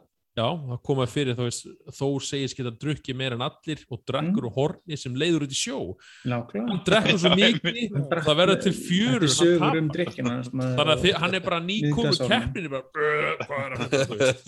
Já, og eins og ég segi, mér er sjá týrana líka og Já. eini karakter sem fengum ekki að sjá mynda og það var Óðinn, ég er svolítið forrættum fyrir því hann verður svona einmitt, hann verður hann er eini sem við erum ekki búin að sjá við sjáum Já. að Freyja kemur aftur fleira en, uh, en þeir eru líka að staðfesta trendsvæði að leikurum verið aftur með sama stíl eins og fyrirleikurinn með þetta svona eins og var í einni klippingu eins og myndi 1917 Svona flott hvernig það mástu það var gert í leiknum eins og þetta var bara allt samfelt skot. Og við fylgdum karakterinn aftur frá. Já, Sen eru reyndar líka búin að tala um að Cory Barlog sem drektaði síðasta leiknum er ekki drektað þessum, hann er Já, að vinna það nýju verkefni hann er að vinna öðru verkefni og það er svolítið spennandi að vita hvað það er. Og líka það sagt það að þetta mun klára norrönni sögu God of War. Ok. Er þetta ekki að fara mjölkut í marga leikum það er fínt held ég, Eh, Já, fínt ég held að- það. að bara taka því tveim leikjum og þá getur og verið flott með bók. Já, og það getur verið flott svona bookend og ég meina, come on, pluss hann á eftir ekki svo góðu fræna, hann á eftir austurlunds góðu fræna, á eftir suður-amerísku það er fullt af guðin sem hann ekki mann drepa ennþá. Kristinfræði ég segi það, kallinn þarf að þú veist, hann- ef hann alltaf að vinna sig gegnum þið panþjóni þá þarf hann að, þú veist upp þessi brækundur að halda Nei, svo er mitt hugsunin bara hvort það komi, veist, hvort það sé bara, það getur verið endálegin hjá Kratos, veist, kannski bara, að God of War sé ekki búið endilega. Nei, Mm. Kratos er bara, þú veist, við. hann er bara nútíma Mario, hann er aldrei að fara að deyja. hann Hann er svo mikið legend, sko. Nei, nákvæmlega, ég trú að Kratos þeir síndu sér, maður var fyrst okkurlega yfinst He's getting old. þegar God of War leikurinn kom út fyrst þá var maður, ah, ok, hvað er Ég- það að að gera með að líka Kratos aftur Ég ég spilaði með leikin og maður bara, maður bara, wow ok, er- þetta er, það make a sense. Ég, leikur. já, Þetta er besti PlayStation leikur sem ég hef spilað, eða, God of War, annað God of War er stórfenglegur. Ég voru að vona að hann fengi eitthvað PS5 pats Þú eitthvað veist, hann er, hann, hann er, þú veist, vera, vera þetta reboot sem hann er, hann er samt með ást í fyrirleikina, þetta er, vera þetta sög er ótrúð flott þegar rebootna er að blanda saman gamla Akkurat. og nýja og samt verið eitthvað, þú veist Já, sérst, al- já, algjörlega nýtt, þú veist, það, þú veist, þegar ég segja ykkur að spila, myndi ég aldrei segja, herru, þú voru að byrja hérna í hérna, grísk góðafræðin, fyrst nummer eitt sem kom PlayStation 2, en nei, bara við látum byrjaði þess að bara þetta þessu. gest skilur já, veist, bara það er svona, Þetta er svakalega líka, er svo svakalega solid pakki, þú veist, það er svo erfitt að finna eitthvað sem segir, að það hefði mátt gera þetta betur, þú veist, það er Nei, bara, það er svaka bara- erfitt að finna eins og eitthvað ég segi, ok, ég spoiler ekki spoiler fyrir leik sem komið fyrir eitthvað þrejum ára síðan eitthvað svoleiðis. Uh-oh. en bara kablarnir í setnipartin af God of War þegar að byrja að koma tengingin aftur við að þeinu og Blades of Chaos ykkur sem að fekk bara gæsa út þegar þá sápartur kemur Já. þannig að það er að taka upp fortíðin aftur og mér fannst það bara svo stórfenglegt það bara sittur í mann eða bara það þegar hann er að taka bleitin aftur fram Það var og- það það sem ég var veitni sko. Æ, bara eins og segi, mér fannst þessi leikur frábær gegn og ég mun hygglust spila í gegnum uh, sinleikin áður en að þessi kemur Já, alveg 100% bara hann til þess að koma sér í rétta gýrin og buffa, berja hans á, á baldri áður maður Já. mætir og buffa er- Þór Hann er eh, 2002 í þannig að svo segi sagan, já var, var, var, það var ekki samt, fylgdi ekki trailernum með það mér gæti ekki séð það en, ég, en þegar, ef þú horfir á eins og Instagram, Playstation þá sögðir Já, já. coming 2002 en þú veist, þeir eru sagt þetta áður eins og með Já, ég Horizon. meina, við vitum að þú veist, dagsetningar eru, þú veist, breytingum háður. Já, þannig að það, ég veist, það kemur ekki óvart ef hann, kem, hann kemur það sint á næsta ári eða þá einmitt snemma 2023, það er svona mín, mín já, allir hann verður ekki líka á PlayStation 4 Mér varst, hann, hann verður það, hann Já, það já, það er hann, já. hann er, það, hann er einn af þessum síðustu af, með þeim arfleiðum af eldri.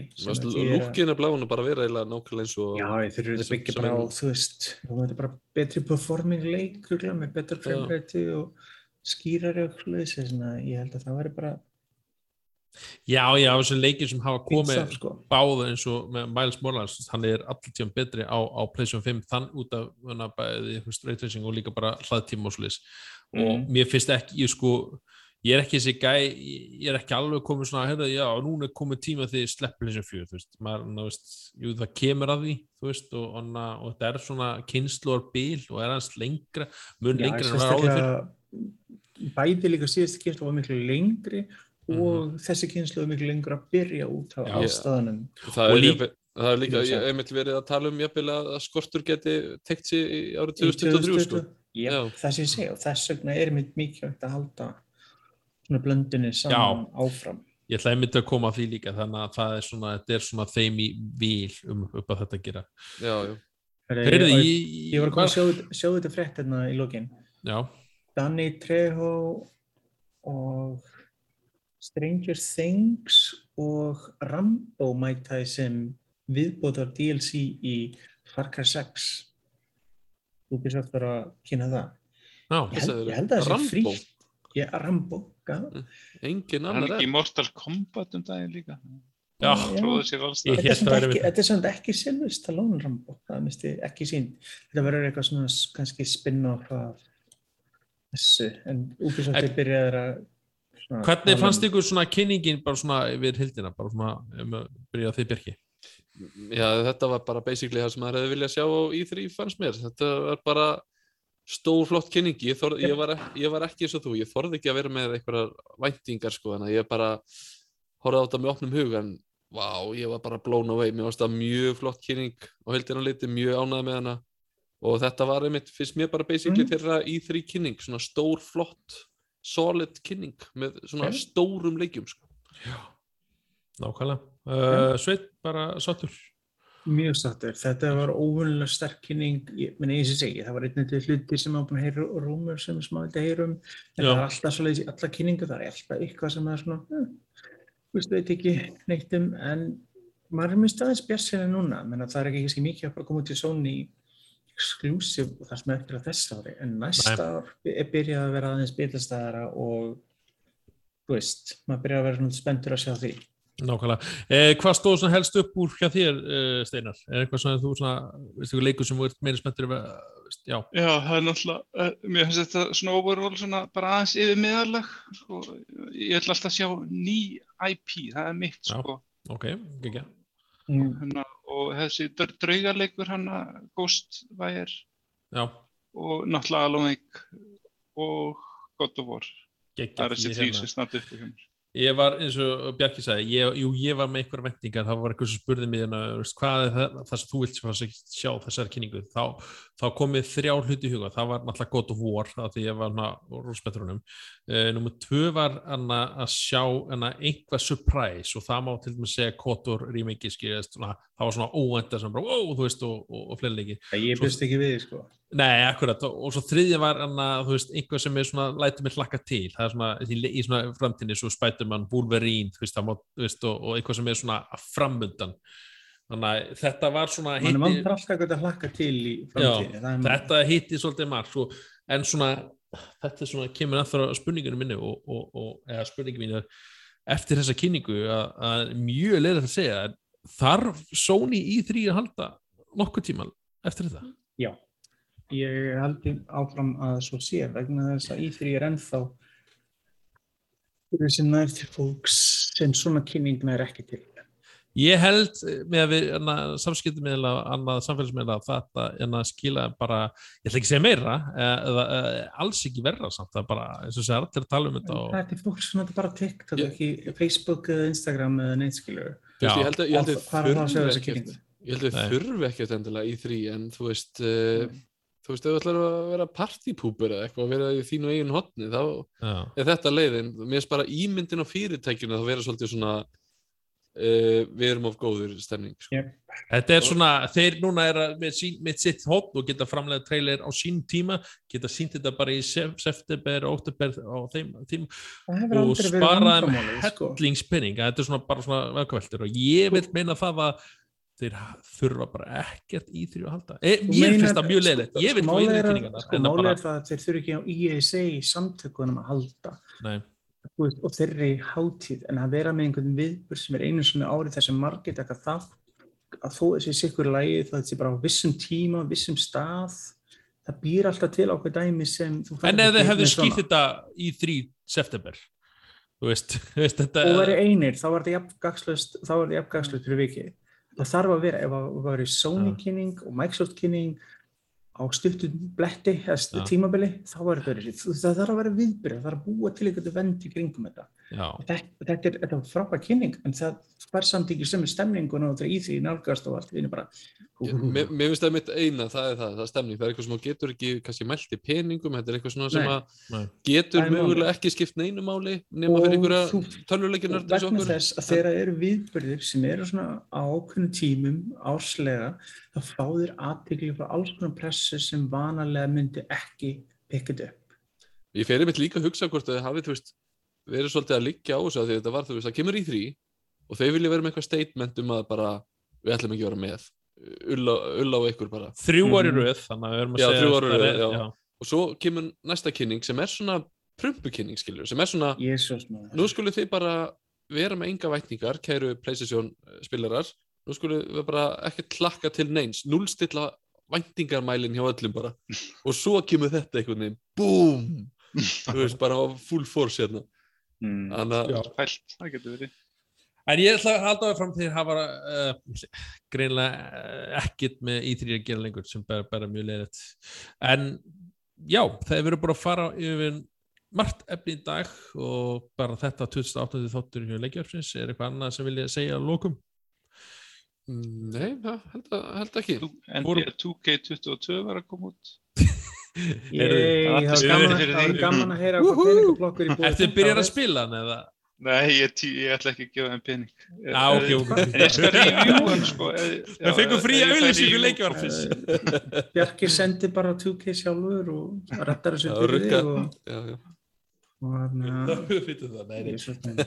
Erðu, glæsilegt, uh, já, við hérna, eins og segi, við hérna verðum örgulega hérna bara, já, bara áður en látum líður. Við, Já, það eru halda- það eru leikir að fara að koma út, það er fyrsti stóri, segi ég, stóri leikur hausins að koma út í næstu viku og þriðu daginn, það er Deathloop. Eh, ætlaði að spila hann eða? eh, já, ég, ég er með því að Ég- Fyrirgeðu, fyrirgeðu, er hann ekki er- með Mario í það selv? Nei, ég, ég, ég, ætla, nei, nei, ég ætla bara að sjá Rýni, þetta er svona leikur sem ég ætla að sjá Rýni fyrsta ára en ég hef því að trúa, ég- þetta er Arkane. Leon, þeir eru búin að geta sondleikina, ég hef Já. trúa yfir þess akkir. Já, Er hann ég- bannaður innan átján, vitið þið það? Já. Annars getur strák, Já, mér langar að segja það, sko Já, ég held að það sé næst í, annars getur hann verið vinsat hjá hennar Fortnite-liðinu, sko. Já, Eða Apex eða hvað þau eru að spila. Apex, já ég skal veðja við þið pinning að hann er bannaður. Hann er það örugglega. Hann er það, hann er það. Ég er skoðið hérna á heimisí eða bleysingunni. Nákvæmlega Ég er forðin að sjá co-op dátið, hvernig það er það? Já, ég líka, ég hlakka til að sjá og ætla bara fylgjast með honum og, og sjá til og já, En dómanir ætti að byrjast eftir helgina, myndi ég segja. og Sveinn ætlar að stökkva það í að fyrir okkur, það er hreinu. Herru, ég ætla bara að þakka fyrir hlustununa í dag og bara við sjáumst bara, já, eins og ég sagði það, bara áður langt í líður með fleiri leikja uh, fréttir, bara takk fyrir okkur í kvöld.